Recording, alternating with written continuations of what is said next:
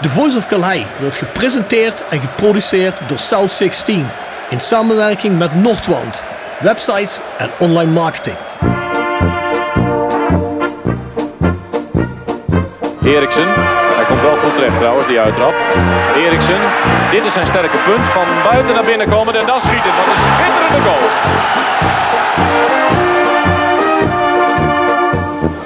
Hansen. Hansen nog steeds. En hij zit erin ook zeg, maar Rempel.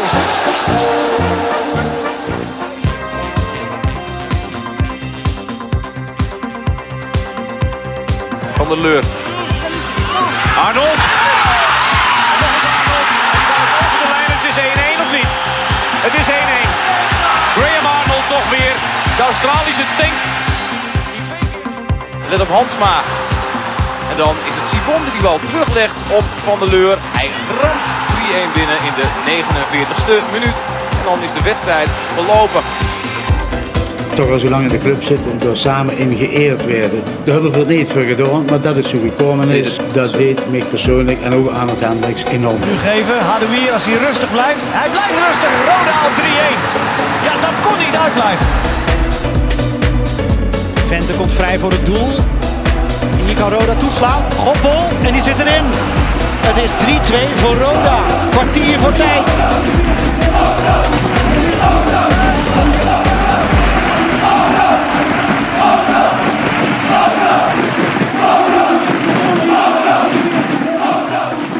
Dit is Roel Brouwers en je luistert naar The Voice of Calais. Bjorn Jegers, We zitten weer op een prachtige locatie in het mooiste stadion van Nederland. We kijken op de groene grasmat, het zonnetje brandt. Maar desondanks is het toch wel een inktzwarte dag voor de Rode C-familie, Rob. ja, zeker weten. Frits Schroeven verleden. Nieuws kwam ja, een paar uur geleden binnen. De man heeft natuurlijk ontzettend veel betekend voor de club. Hè? Ja, Heel veel geld in de club gepompt op het moment toen niemand dat wilde. Heel veel geld in de club gestoken. Dus ik denk een rode man eh, per zang. We zijn natuurlijk lang niet altijd eens geweest. We hebben ook wel eens kritiek op me gehad, hè, op Mm. bepaalde zaken. Ja. Maar per saldo onder de streep, ik bedoel, eh, heeft die man natuurlijk eh, gigantisch veel voor, voor de club eh, gedaan. En, en misschien, er zijn heel veel mensen die zeggen, misschien is het ook wel zo dat zonder Frits Schroef de club er misschien helemaal niet meer was geweest. Nee, dat zou zomaar, eh, zomaar heel goed kunnen. Ja, en daarom, eh, ja, ik vermoed ook dat de volgende wedstrijd wel iets gedaan wordt. Ter herinnering van Frits. En ook misschien een stukje permanenter nog. Dus eh, heeft hij wel verdiend, toch? Ja, zeker weten, zeker weten. Ik zag wel eh, oproepen tot eh, standbeelden, et cetera. Er zal geheid iets gaan gebeuren vanuit de club, dat verdient de man ook. Ik weet wel dat hij, eh, wat dat betreft, in ieder geval in leven was hij wel wars van dat soort eh, acties. Hè. Een stand, spandoek vond hij niet leuk en standbeelden wilde hij niks van horen. Maar ik ga ervan uit dat die club zeker wel iets zal gaan doen wat Frits verdiend heeft. Ja, nou, kijk, in die Hall of Fame van eh, ook overleden clubhelden, of dat nou trainers, voetballers, ex-bestuursleden zijn. Je zou er iets leuks van kunnen maken op die oerlelijke heuvel die ervoor staat voor het stadion. Hè? Dus eh daar zou je er iets moois van kunnen maken, wellicht. Dat zou eventueel een aangewezen plek kunnen zijn, ja, zeker weten. Ja. Ja, gecondoleerd aan iedereen die eh, dicht bij Frits stond en, eh, en sterkte. Dat Roda maar in die zin om Frits te eren dit seizoen zorgt tot promoveren. Ik denk dat dat het grootste geschenk was geweest wat je Frits ook had kunnen geven, denk ik. Toch? Dat denk ik wel, ja. Daar gaan we voor. Rest in peace. Nou, even weg van dat droevige nieuws. Wij zijn rodajc.nl, dat is de website ja, waar een hele hoop Roda community op zit. Hè. Prikbord zit er onder andere. Je kunt eh, vanaf de 70ste minuut de man van de wedstrijd kiezen. Dat kun je weer doen tegen Jong Utrecht thuis volgende week. Bjorn, had jij een man van de wedstrijd tegen de Graafschap? Nou, volgens mij heb je hem niet... Nee, toen eh, zat ik in Amsterdam, dus eh, ik heb van die wedstrijd helemaal niets gezien. Heb jij hem gezien, Maurice? Wie vond jij de man van de Die heb ik wedstrijd? zeker gezien. Nou, ik vond eh, Davy van den Berg eh, erg sterk spelen op het middenveld. Maar ook de invalbeurt van eh, Benjamin, eh, die, was, eh, ja, die kon je niet overzien. Was goed? Ja, die was heel erg gedreven. hè. Is heel erg gedreven. Voor mij was Patrick Fluke de man van de wedstrijd. Het is natuurlijk iemand die altijd bij de beste drie hoort van het elftal wel. Hè. Zelfs als het hele elftal door het ijs zakt, is hij nog altijd bij de beste. Maar vond ik wel fenomenaal. Dus, eh, Maar kies in de 70ste minuut weer voor de man van de wedstrijd. Kun je, of in de 70ste, vanaf de 70ste minuut, bij wijze van doen. Voor de rest, het Roda Museum in de Orlando Passage. Ik heb gewoon afgelopen zaterdag waren daar Michel Broeders en René Hofman nog. Nou ja, goed, je kunt er dus zomaar oud-spelers tegen, oud-Roda Corifeeën. Maar er is ook ontzettend veel te zien uit de Roda geschiedenis. Afgelopen zaterdag was trouwens ook de reunie van het kampioenselftal van 72-73. Jij bent ook nog even geweest, hè Bjorn? Was leuk toch? Ja, was heel leuk. Pascal Geurts liet mij een eh, foto zien van eh, Henk van Leeuwen, speler die we toen van eh, Feyenoord hebben gehaald. Eh, en die hield dat shirt vast. van het kampioensjaar eh, 72-73. Heel apart shirt, zonder reclame of wat dan ook. was een beetje gelig-wit met twee donkergele banen erop. Ja. Heb je ook nog gezien die foto? Hè? Ja. En ik weet dat Pascal zei dat ze Rode hebben voorgelegd, of misschien nog weer nog een keer gaan voorleggen, om eh, in het 50-jarig jubileumjaar, en dat is er volgens mij komend seizoen, Ja. om dat shirt het tweede shirt of het derde tenue te maken, Mhm. weet je wel. Eh, ja, lijkt mij mega. Lijkt me ook mega. Mooi eerbetoon. En, in het kader van onze gast, lijkt me ook commercieel interessant. Want ik Ja. denk dat mensen dat wel willen hebben. Ja, heel bijzonder Ik moet shirt. heel eerlijk zeggen, de shirts van de laatste jaren, de gewone shirts, uitshirts en thuisshirts, ja. Goed, het ene is leuker als het ander, maar ik vind het allemaal niet heel speciaal. Het zou wel mooi zijn als er weer eens iets speciaals is wat, eh, wat mensen ook echt willen hebben. En als eerbetoon zou het schitterend zijn. Klopt. Ja, het was sowieso een hele leuke middag. We hebben er een verslag van gemaakt. Is een klein uurtje lang. Is morgen online. Ja, we zitten hier op de dinsdag, de week voordat jullie dit horen, zitten we op te nemen. Dus ja, die reunie die komt eh, morgen online. En eh, het was heel mooi ook met een eerbetoon en gedenkboom en gedenkplaket die neergezet is op Kalheide voor Hens Fischer, aanvoerder van het elftal. Ja, was heel mooi. Heel veel oude jongens die ik ook niet zomaar van gezicht kende, die aan me voorgesteld werden. Maar die hadden allemaal een goed verhaal. En Hoem, Jo Curver, zei, ja, je moet eens een podcast met mij komen opnemen.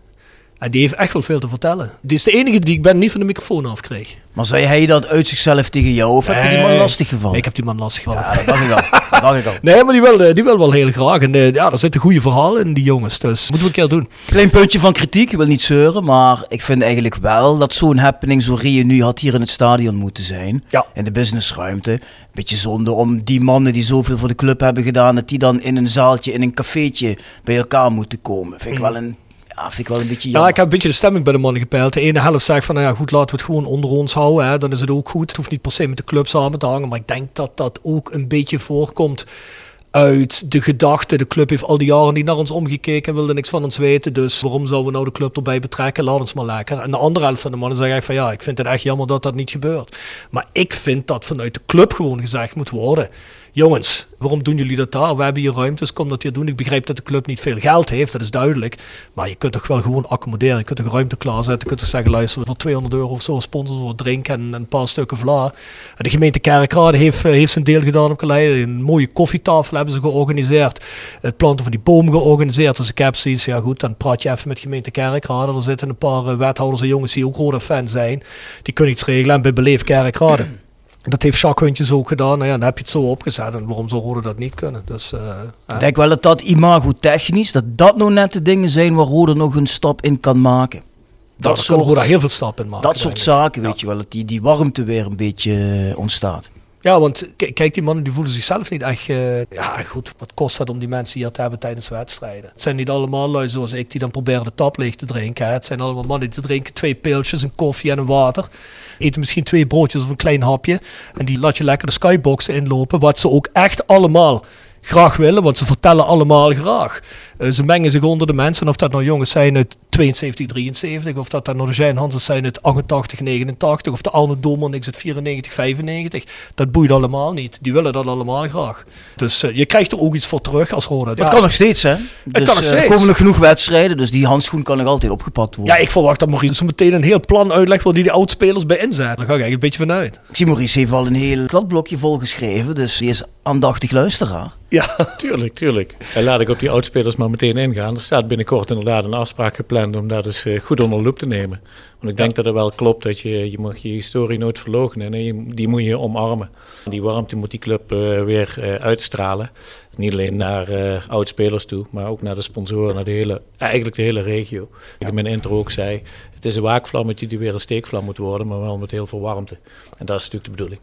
Vind ik, een, eh, Eens. vind ik een hele goede insteek.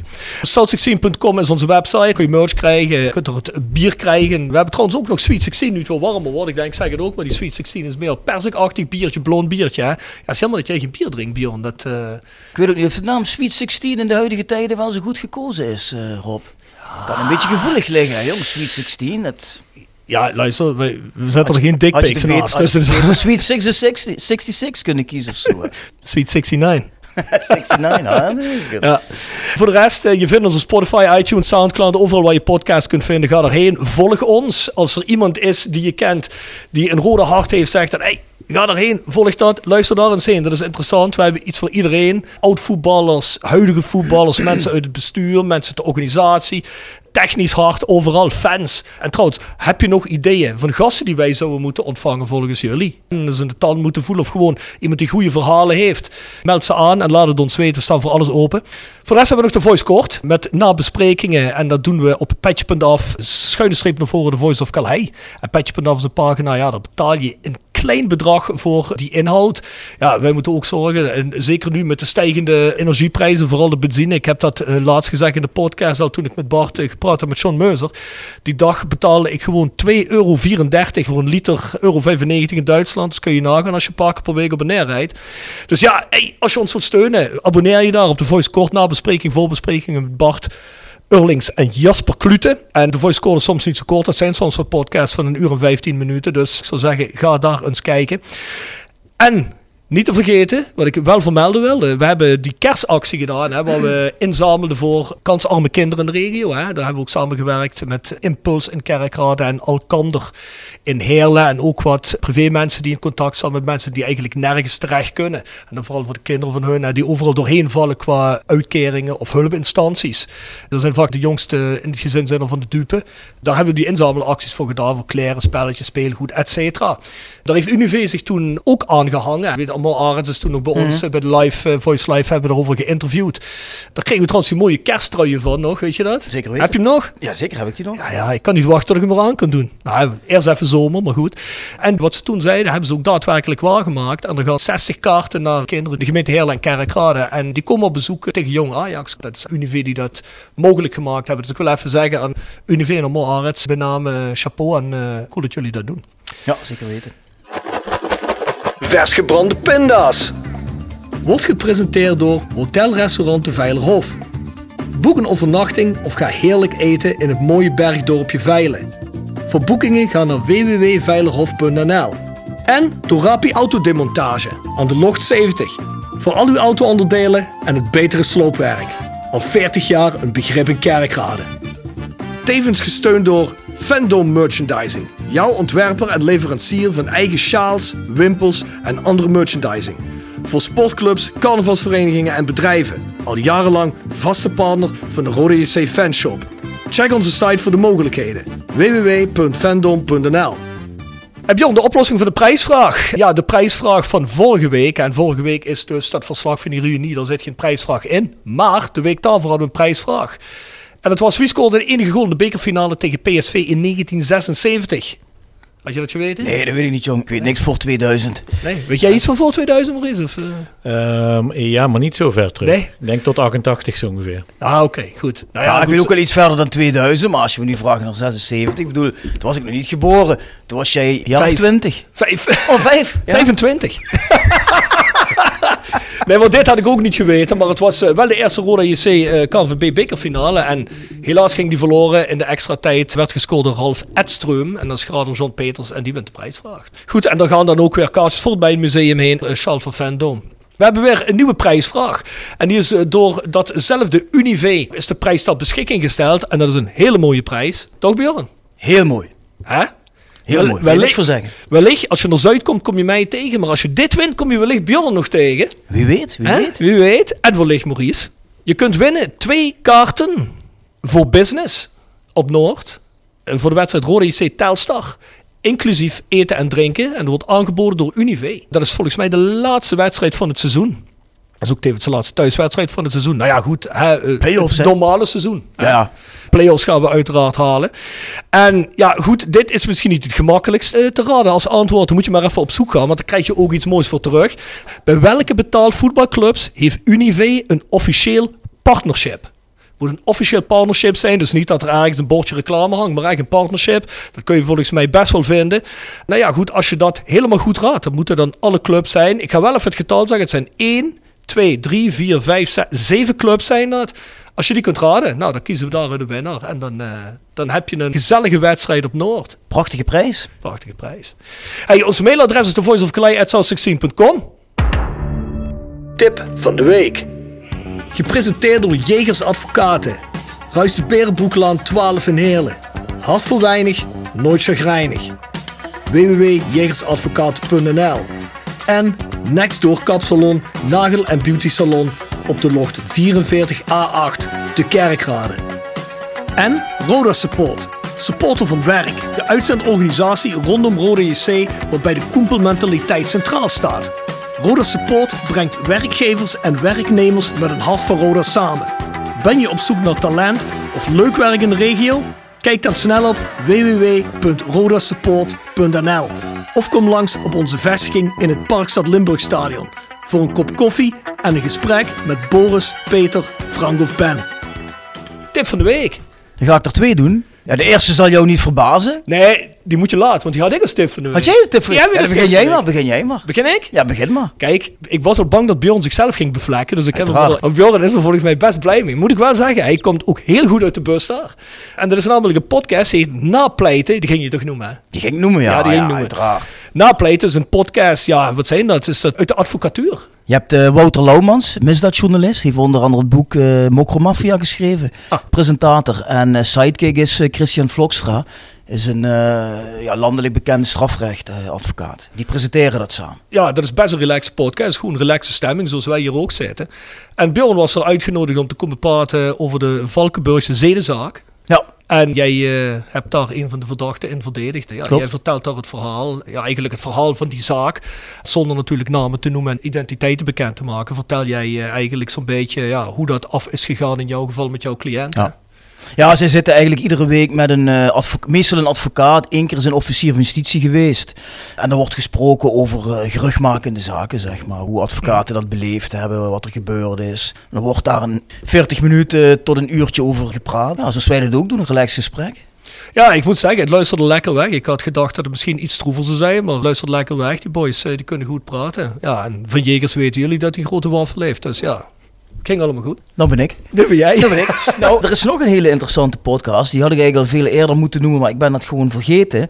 En daar werd ik op geattendeerd door onze goede vriend en luisteraar Guillaume Offermans. Heb je ook gezien de e-mail? Mhm.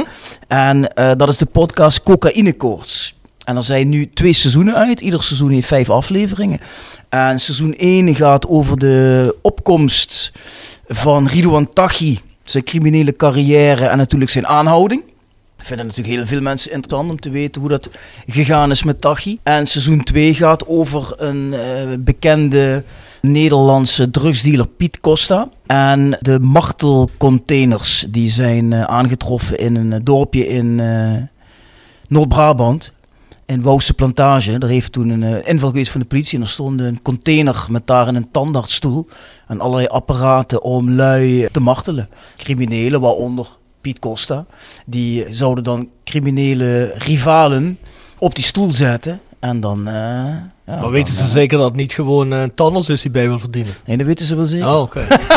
Nee, je weet wat, ze hebben toen eh, criminelen gebruikten allemaal van die encrypt telefoons. Ja, ja. Waarmee ze dachten, daar kunnen ze met elkaar communiceren zonder dat de politie daarachter komt. Maar ja, helaas heeft de politie die servers gekraakt. En die hebben gewoon een hele tijd mee kunnen lezen wat criminelen naar elkaar stuurden. En zo zijn ze ook onder andere op het pad van die container gekomen. Interessant. Twee crime podcasts. Ik zou zeggen, check ze. Hè, kun je Ja. Spotify vinden of waar dan ook waar je naar podcast luistert. Ja, dan zijn we aangekomen bij onze gast. Zeg maar Björn, wie onze zit hier? We hebben hem al gehoord, eh, de mensen kunnen het ook lezen. Ehm, een tijdje geleden kregen wij eigenlijk voor ons wel een beetje uit het niets Ja. het bericht dat Roda een nieuwe commercieel directeur had. En eh, wij wisten op dat moment helemaal niet eens dat Roda iemand zocht. Dus het kwam voor ons best wel eh, uit de lucht vallen. Mhm. En eh, volgens mij is hij nog niet zo heel lang aan het werk bij Roda. Dus welkom uh, Maurice. Misschien om te beginnen, uh, ja, kun je iets over jezelf vertellen, dat de luisteraars uh, weten wie je bent? Ja, natuurlijk. Ik zit immers al een kwartier naar jullie te luisteren. Ik zit te popelen. Um, ja, dat is altijd met hem, Maurice. ja, dat dacht ik al. Ja. De meeste mensen scrollen dat altijd door, het eerste kwartier. En ik dan, heb dat gisteren, gisteren ook met zes uitzendingen gedaan. Maar goed, dat komt, dat komt wel goed. Um, ja, ik ben Maurice Kleuters, 44 jaar, 18 jaar getrouwd. twee kids, 13 en 11. Dat is de persoonlijke kant. geboren en getogen in het Heerlense. Uh, Tarcisius op de basisschool gezeten, Bernardinus middelbaar. En vervolgens op mijn 22e verhuisd. Uh, maar nog steeds hier, uh, ja, eigenlijk sinds mijn zesde supporter geweest bij deze club. Van Karl Heij mee verhuisd naar het PLS. De spannende dingen meegemaakt, de leuke dingen, de mooie dingen, de grootste dingen en ook de minder leuke dingen. Um, ja, 22 jaar actief in commercie bij diverse bedrijven, hoofdzakelijk bij de Limburgse media daar ook een redelijk netwerk in het uh, Parkstads of in het Limburgse zelfs opgebouwd. Van daaruit ook zakelijke connecties uh, met Roda altijd onderhouden. En bij mij was het elke wedstrijd de strijd, waar ga ik staan? Ga ik zitten hier op de tribunes, op de businesskant? Of ga ik lekker op de West, op W12?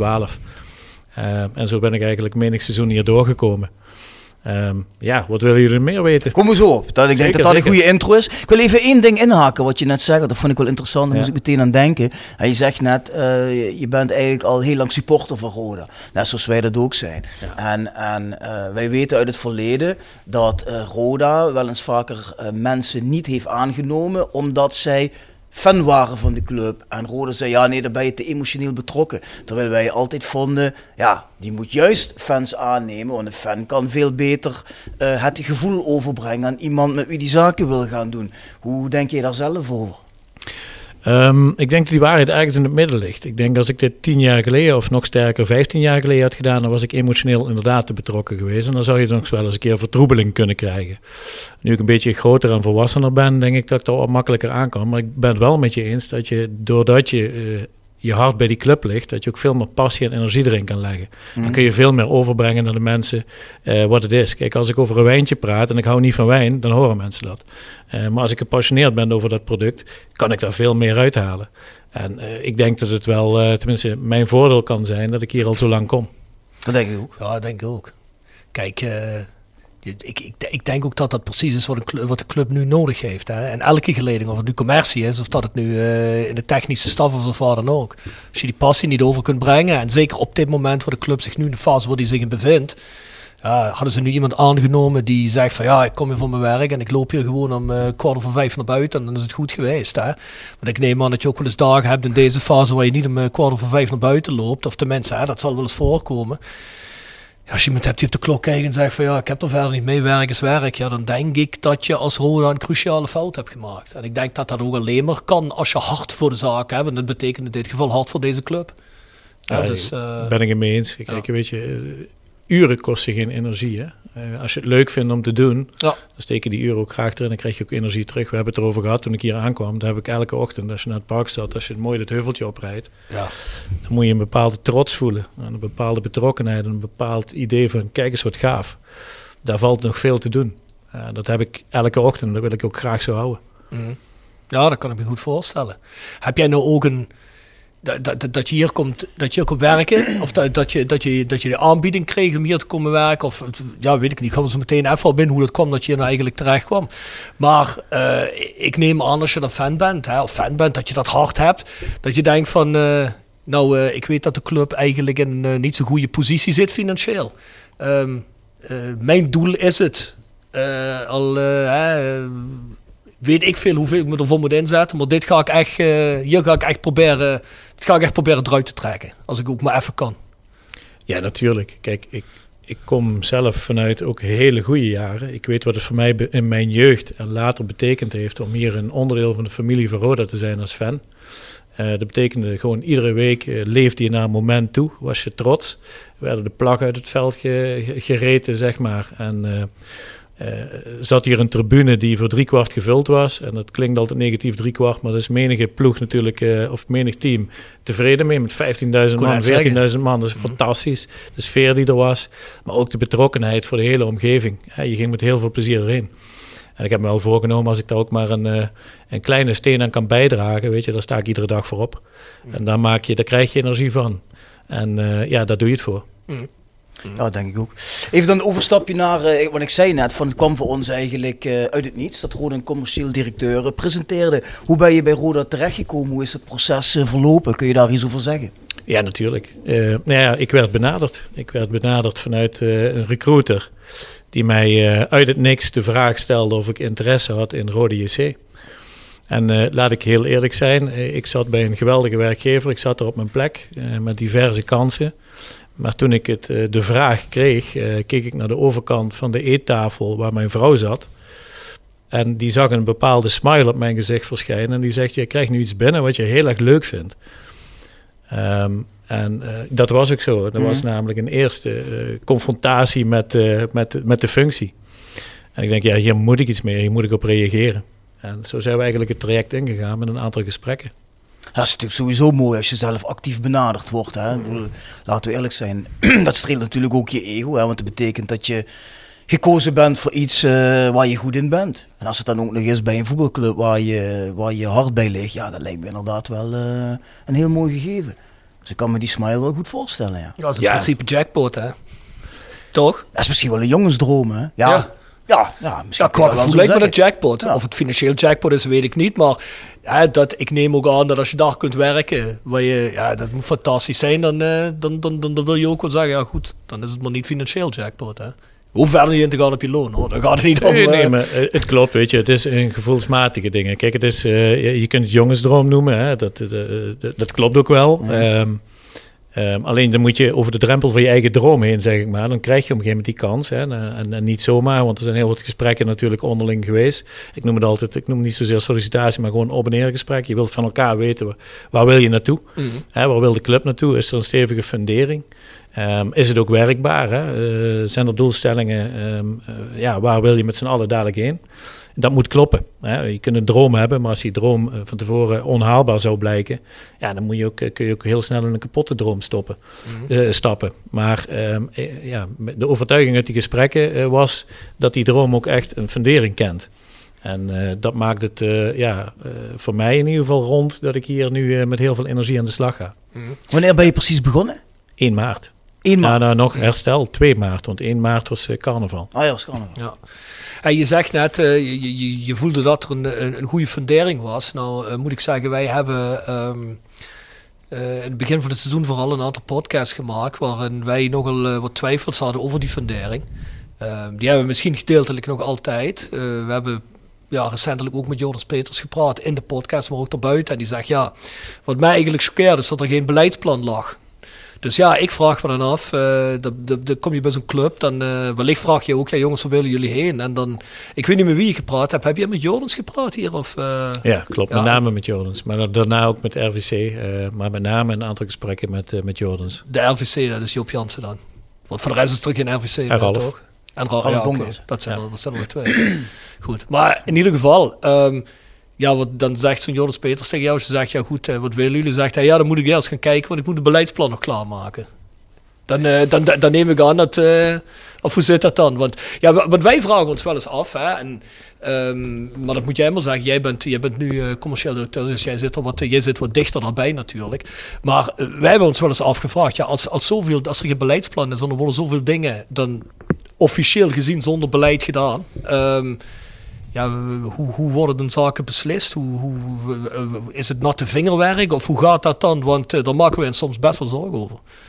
Ja, ja, dat kan ik me voor, voorstellen van buitenaf. En kijk, officieel is er geen beleidsplan uitgeschreven op papier, maar er zit natuurlijk wel iets in het hoofd. En daar zoek je ook de mensen bij die daarbij passen. En op het moment dat je als club weer volledig in die maatschappij wil integreren, en dat is echt een wezenlijk onderdeel, eh, stuk energie. Eh, ik hoorde toen straks al, een stuk betrokkenheid, openheid, transparantie. Ehm, zowel richting je supporters als richting jouw eh, achterban die hier aan deze kant zit en die, die ook een stuk hospitality verwachten. Dan merk je in de gesprekken dat, je, dat er een frisse wind gaat waaien. Of dat dat ook de bedoeling is.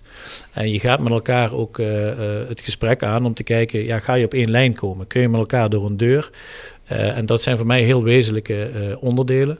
Ehm, en die, die werden bevestigend beantwoord. En dat er een hele grote klus ligt, ja, zeer zeker. En hoe worden dingen dagelijks beslist? Ehm, nou ja, uh, eigenlijk heel simpel, simpele bedrijfsvoering. Ehm, je kijkt heel sterk naar je uitgaves, omdat het natuurlijk een, een, een financieel beperkt uh, uh, nu is. En je moet heel sterk naar je inkomsten uiteraard groeien. Het klinkt heel simpel, maar wat er niet is kun je niet uitgeven. Dus je moet op een hele handige manier moet je dingen gaan doen.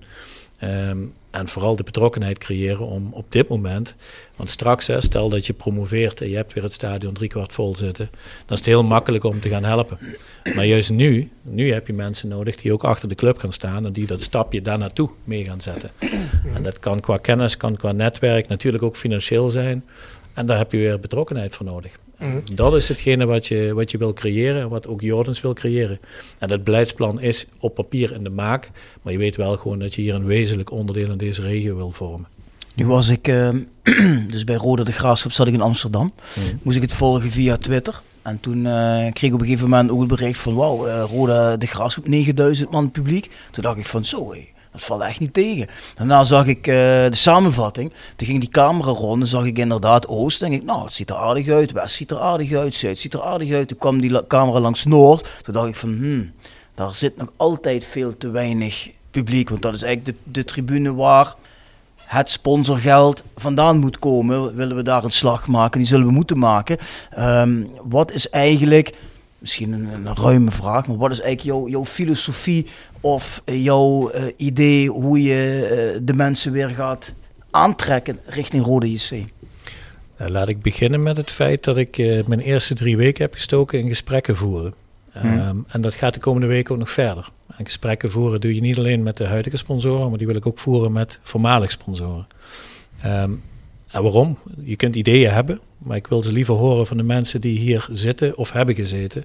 Van wat is er nou in het verleden gebeurd waardoor je er niet meer bent? Of waarom ben je wel hier? Uh, en hoe kunnen we dat verbeteren? Uh, daar kun je denken aan korte termijn dingen. Een stukje vergroting van hospitality. Een stukje vergroting van uh, de gastvrijheid die Rode heeft. Het connecteren van mensen.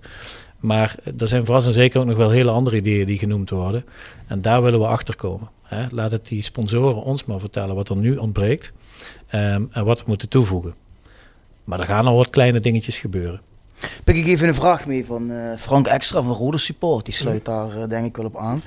Uh, Frank zegt, hoe gaat meneer Kleuters naast de gebruikelijke new business proberen de sponsoren die de laatste jaren zijn afgehaakt terug te krijgen. Want dat behoeft in mijn ogen een andere aanpak. Heb je eigenlijk al een beetje antwoord op gegeven? Ik denk dat het gewoon heel belangrijk is. Kijk, mensen die hier ooit met hart en ziel voor deze club hebben gestaan.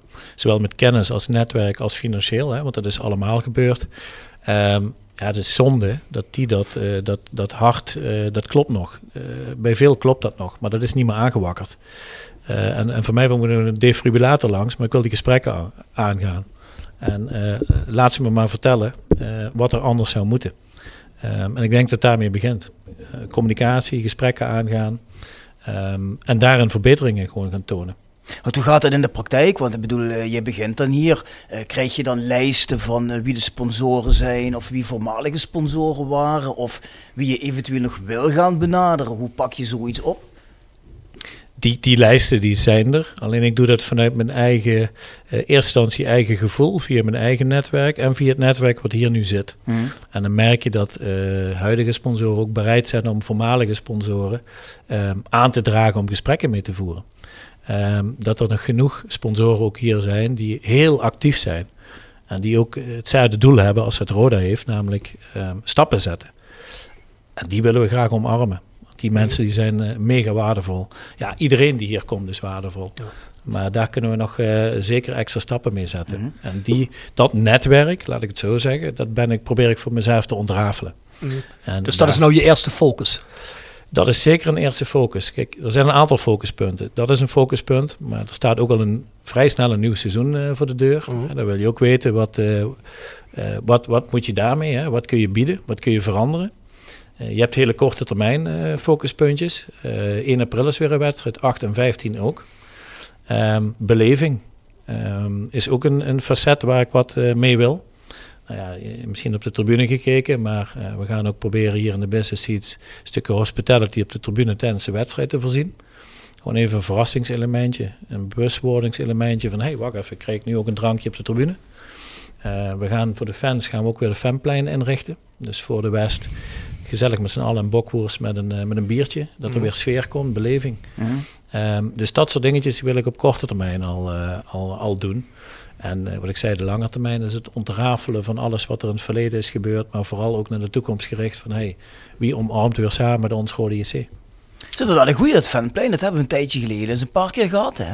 Ja, dat, eh, Als zich helemaal niet verkeerd eigenlijk. hè? Nee, in het verleden is dat vaak, eh, is dat initiatief toen nog niet eens zozeer vanuit Roda. Ja, dat kwam toen vooral vanuit eh, Cyril Engels. Hè, Ja, Cyril heeft er veel aan gedaan. Hè? En daar hebben we met het fanproject in Ulterskerk, hadden wij in Zuid 16, hebben we er eigenlijk, zijn er actief altijd voor ingezet om te kijken dat dat, dat, dat ook bleef. Omdat we daar, en het, op een gegeven moment was het, was het niet eens meer, was het niet veel meer aan drinken en eten, maar het was vooral eh, met, waar spulletjes verkocht werden. Ja, dat, dat bloedde toen langzaam dood. Dat bloedde natuurlijk ook een klein beetje dood, omdat, eh, ja, omdat corona kwam. Hè? En dan, ja. eh, ja. want we kwamen toen net uit de winter en eh, net toen- weer de tijd kwam dat het wat zonniger werd, dat je het kon organiseren. Ja, toen was het allemaal, toen was het allemaal voorbij. Dus ik denk wel dat dat heel goed is dat dat opgepikt wordt weer. Want ja, ik denk dat dat slim is wat jij zegt. Tenminste, zo zit ik er toch in. Ehm, hoe meer er te doen is om een club heen, hoe meer die bruist, hoe meer die actief is, hoe meer mensen erbij willen horen. Jij wil ergens bij horen. Wat interessant is. En daar horen die oud-spelers bij. Eh, ik, als ik ergens op... eh ja, Bjorn, we hebben het vaak genoeg zelf gezegd. eh vorig seizoen, toen, ik wel eens met jou mee was hier op business. En je, je komt er hier binnen en het is half dood. En er staan 50 man op een businessafdeling bij sommige wedstrijden. Ja, en ook heel eerlijk. daar loopt er wel iemand van commercie doorheen. Maar die loopt er langs iedereen ergens anders heen. Dan denk ik van, ja, jongens... Ehm, waar zijn we mee bezig? Eh, dat, dat, is niet waardig voor deze club. En dan moet ja, dan, je moet ergens bij willen horen. Dat gaat alleen maar als je er een bus omheen creëert, denk ik. Hè? Dus.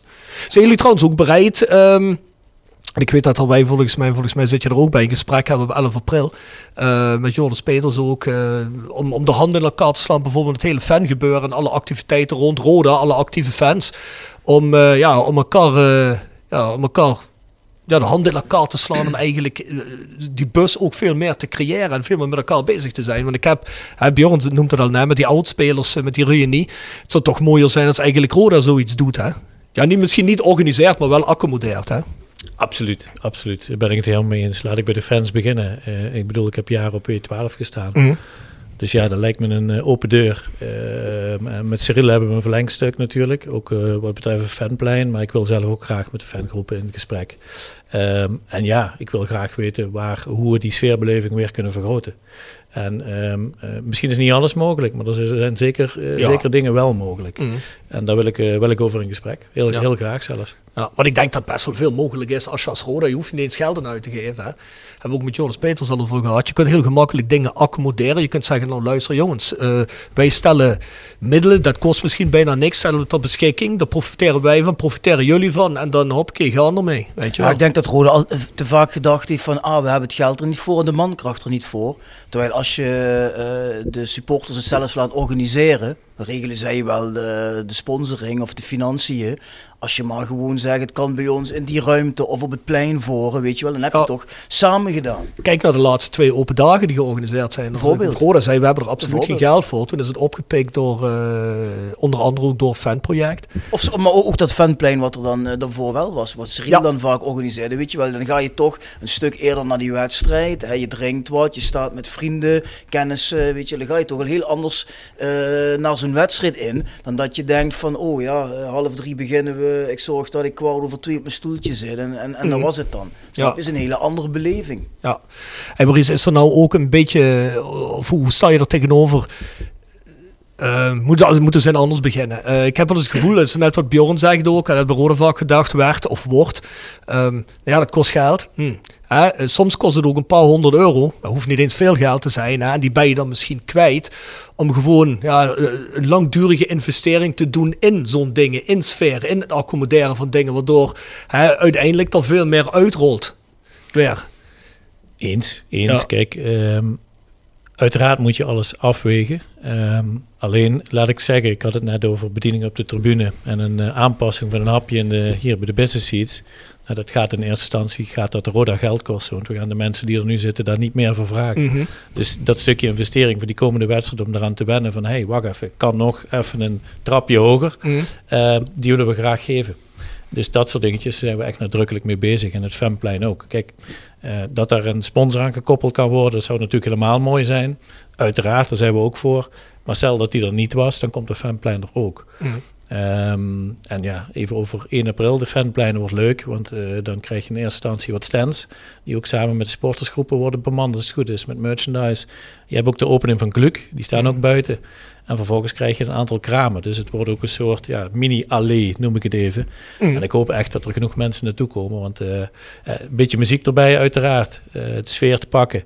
Dus voor de duidelijkheid, 1 april Ja. is er een fanplein. Ja, Ja, dat staat en valt denk ik met, eh, met het weer. hè. dat is natuurlijk de enige factor waar je geen invloed op hebt. dat is, dat is Regent het pijpen stelen, valt het waarschijnlijk in het water. Maar laten we er niet op hopen. Hè. Het, Ah, het, dat zal een begin zijn. Maar goed, het idee spreekt me in ieder geval aan. Eh, ik Prima. weet nog in de aanloop eh, naar dit seizoen toe, toen was ook het voornemen dat een x aantal keren per seizoen er live muziek zou komen hier in de business van best wel gerenommeerde artiesten.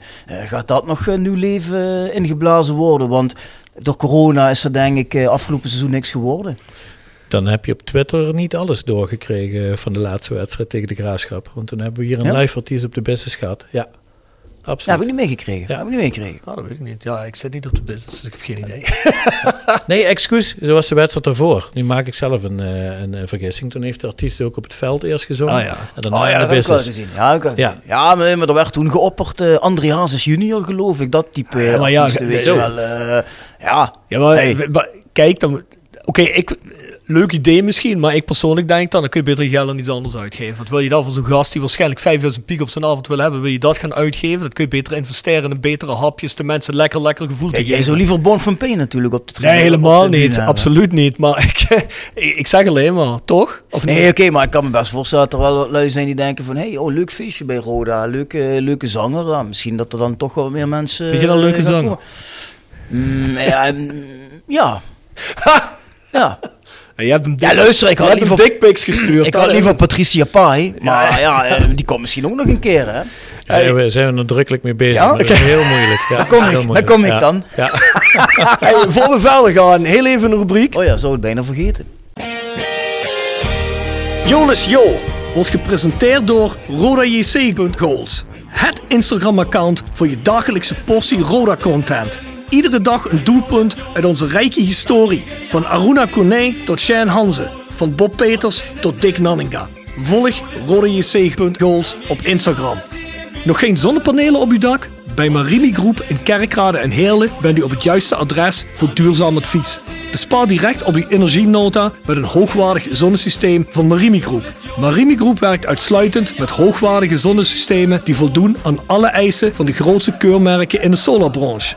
Kijk op marimi-groep.nl en maak een vrijblijvende afspraak voor professioneel advies op maat. Van advies tot montage, alles in eigen huis. Persoonlijk contact staat bij ons op nummer 1. Marimi Groep, als kwaliteit uw keuze bepaalt.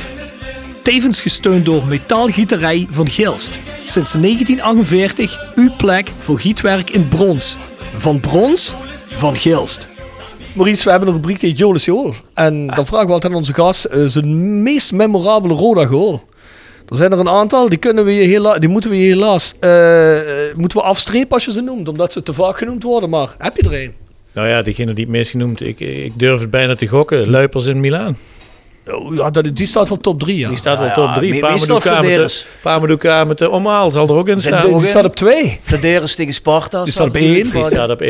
Wat verdorie zeg. Meest memorabele goal. Laat ik, laat ik zeggen, meest memorabele speler die goals maakte. Mag daar ook een toevoeging op? Tuurlijk kiezen we daar een goal van. Ja, Aruna Kone. Ja, daar is toch geen goal van. Nee, is geen goal. En dat vind ik een hele goeie, want dat was natuurlijk eh, uitzonderlijk. Ja, gewoon een krachtmens poer sang met een techniek van hier tot ginder. Ik heb die een keer eh, eh, door het strafschopgebied zien dribbelen met letterlijk twee man aan zijn lijf hangen en hij liep gewoon door. Ja, dan denk ik van, eh poeh. Ja, dat was echt genieten, die jongen. hè. Dat was echt uitzonderlijke klasse. Ja, Ja. goede Twee seizoenen hier geweest, hè, maar eh, ja. Ja, wereld, wereldduo met eh Jannis. ja. Ja, ja, ja. Dus daar zal Ivo wel een eh, doelpuntje van gaan uitzoeken, denk ik. Ja, dan, mogen we er gewoon in van uitkiezen, toch? Jazeker. Ja, Eh, komt ik bedoel, goed. eh, die heeft volgens mij wel wat op zijn repertoire. Wat, eh er is niet geloof eentje ik die ook. mooi was, maar Ja. er waren er meerdere. Dat geloof ik ook. Hey Maurice, even, ja sorry Rob, maar even terug naar commercie. Hè, want ik vraag me af, waar staan wij eigenlijk eh, commercieel? En ik vraag dat, omdat we natuurlijk wel vaker met mensen gesproken hebben in en om Roda. En eh, er werd tegen ons altijd gezegd dat Roda eh, commercieel gezien op ongeveer plek 12 van de keukenkampioen-divisie zou staan. En ja, dat vinden wij wel bizar laag, eerlijk gezegd. En, Ja, heel bizar. eh, eh, ehm, klopt dat? En hoe, hoe komt dat, denk je? Als het klopt. Als het klopt. Nou ja, daar zit je niet heel ver naast. Als je qua inkomsten en eh, kosten kijkt, zit je aan de kostenkant, zit je aan de hoge kant van de eerste divisie. Ik noem het even eerste divisie, Mhm, mhm. keukenkampioen divisie natuurlijk. Eh, en qua inkomsten zit je inderdaad ergens in het midden. Ehm, hoe komt dat? Ja, ik denk dat er eh, heel veel gebeurd is in deze club eh, de afgelopen jaren, laat ik het voorzichtig zeggen. Dat hoef ik jullie niet eens uit te leggen. Ehm, maar op dat gebied kijk ik ook zelf liever niet achteruit. Daar ben ik geen, geen onderdeel van geweest. Mhm. Maar daar moet natuurlijk iets mee gebeuren. Zowel aan die kostenkant als aan de, aan de opbrengstenkant. En laat dat nou net hetgene zijn waar ik mee in de slag ga. Ja. Mhm. Ja, ik, maar ja, weet je, om- omdat ik altijd eh, het idee had, weet je, heel veel clubs, zoals de VVV Venlo, die wilden al jaren een, een multifunctioneel modern stadion, want dan kunnen ze meer geld genereren. En wij hebben dat. En we staan dan nog op een betrekkelijk eh, lage positie. Ja, ik vind dat eh, best wel shocking. D- dit stadion is natuurlijk zowel een lust als een last. Hè, als je dat ziet. Ik bedoel, met trots kom je hier elke keer aan. En je hebt heel veel mogelijkheden. Van de andere kant, alles wat erin staat, is ook 20, 21 jaar oud. Hè? Ehm, dus er zijn ook dingetjes die eh, eh, wellicht eh, vernieuwd moeten worden. Om als één ding te Mhm, pakken. mhm. Plus als je hier dus tegen de graafschap 10.000 man hebt, ja, dik 9.000 man, moet niet overdrijven, dan is dat geweldig. En dan zou menig stadion van Nederland, past het niet eens. Zou in ieder geval afgeladen vol zijn. Mhm. Ehm, en hier is de helft nog leeg. Dus optisch is dat toch een ander verhaal weer. Eh, dus zowel de lusten als de lasten, dus gigantisch, maar het is ook groot. Nou ja, maar je denkt in ieder geval dat ons imago, wat er hier gebeurd is in de afgelopen jaren, daar wel parten in spelen. En daar moeten we dus nog een eh, groei in gaan maken weer. Ja, kijk, eh, dat klopt. Maar als je nou ploegen ontvangt. Ik heb mensen van Dordrecht onlangs hier mogen ontvangen. Ja, die kijken natuurlijk en die zeggen van ja, dit stadion in de eerste divisie. Ja, dat kan natuurlijk niet. Hè? Met zo'n mooi stadion, wat gewoon in de topstadions van Nederland hoort. Dat, eh, dat hoort niet bij een keukenkampioen eh, ploeg. Nee, nee dat, dat klopt. Eh, maar, maar kijk, wij- je zegt net, of Bjorn zegt net, het verleden en dergelijke. Hè? Ehm, is, is, die, is die schade niet... denk je dat die schade in te halen is op korte termijn? En ik vraag dat op korte termijn... Je bent natuurlijk het gesprek aan het voeren, dat is daar onderdeel van. En je probeert mensen terug te halen, zeg je ook, net, dat is een van je eerste focuspunten. Maar ehm, wat wij begrepen hebben, eh, ja, hoeveel is het, Bjorn? Jij, weet, jij hebt dat misschien in je hoofd, hè? Hoeveel eh, verlies is er op het einde van het jaar wordt er bijgeschreven of afgeschreven? Wat, wat is de, de, de min? Eh, hoeveel staat Roda in de min? Budgettechnisch, begrotingstechnisch? Ja, de- de- hoe bedoel je precies in de min? Nou ja, We goed. weten alleen, we weten is er alleen dat de? Phoenix groep 5 ton minder zou doen. Richting komend seizoen. Ja, goed, en er was verlies over afgelopen seizoen, toch? Dat is toch gewoon Ja. gepubliceerd, hè? Wat was dat? Een miljoen? Anderhalf miljoen? Heb ik even niet paraat, weet ik even niet. Nou ja, goed, d- er werd in ieder geval een van de zaken, en dat heeft de- Jordans ook heeft gezegd, nou ja, goed, we moeten vooral proberen dat ook het commercie te halen. Hè. Ehm, dat lijkt me een enorme opgave, want er moet ook een enorme last op jouw schouders komen te liggen. Hè. Want ja, eh, iedereen zegt maar commercie moet beter, commercie moet beter. Dus eh moeten natuurlijk ook, want Bjorn zegt net al, en jij bevestigt dat, als wij eh, qua inkomsten ergens in de middenmoot staan van de eerste divisie, ja, dan bedoel, hoe ga je daarmee om? Ik bedoel, je hebt een, ontzettend verantwoordelijke taak hier eigenlijk. Hè? Want met jou zou wel eens, en zal eens alles kunnen staan of vallen, hè? met jouw inkomsten die jij genereert of moet gaan genereren. Verder willen we de druk niet hoog leggen. Nee, helemaal niet. Nee, zo, zo voelt het Ja, ook luister, niet. het zijn, het, dankjewel. zijn geen woorden, het zijn geen woorden van ons, hè? het zijn woorden van de algemeen directeur ook. Hè? Dus, eh, Nee, dat is waar. La- Laat ik vooropstellen, eh dat doe ik niet in mijn eentje. Hè. Dat, uh, hier, Nee, zitten, hier tuurlijk. zitten uh, veel mensen en er zitten ook veel sponsoren nog en uh, supporters. En iedereen draagt zijn steen eraan bij. En ik denk dat daar ook uh, de, de crux gaat liggen. Kijk, met twee handjes en één hoofd kun je veel, maar niet alles. er zit een heel mooi team. Er zitten, zitten buitenmensen die willen helpen. Het is alleen de juiste snaren weten te raken. En hoe lang, hoe lang dat duurt... Uh, en hoe groot die uitdaging is, ja, die is groot. En wat is korte termijn, wat is lange termijn? Er liggen, er komen plannen, er liggen plannen. En dat is investeren in tijd en aandacht. En ik denk dat, dat er genoeg mensen zijn, en dat, daar begon je eigenlijk je vraag mee. Mm. Um, als je eenmaal iets in je hart hebt, dan kun je best wel een keer gekwetst worden. En dat is met een aantal mensen hier best gebeurd. Hè, dan heb ik het over sponsoren. Maar ik denk, het is net als met een oude liefde, er blijft altijd iets hangen. Alleen het moet weer geprikkeld worden. En hoe gaan we dat doen? Ja, daar gaan we de komende periode achter zien te komen. Mm. Mm. Ik heb even een vraag mee van uh, onze goede vriend Bart Eurlings. Mm.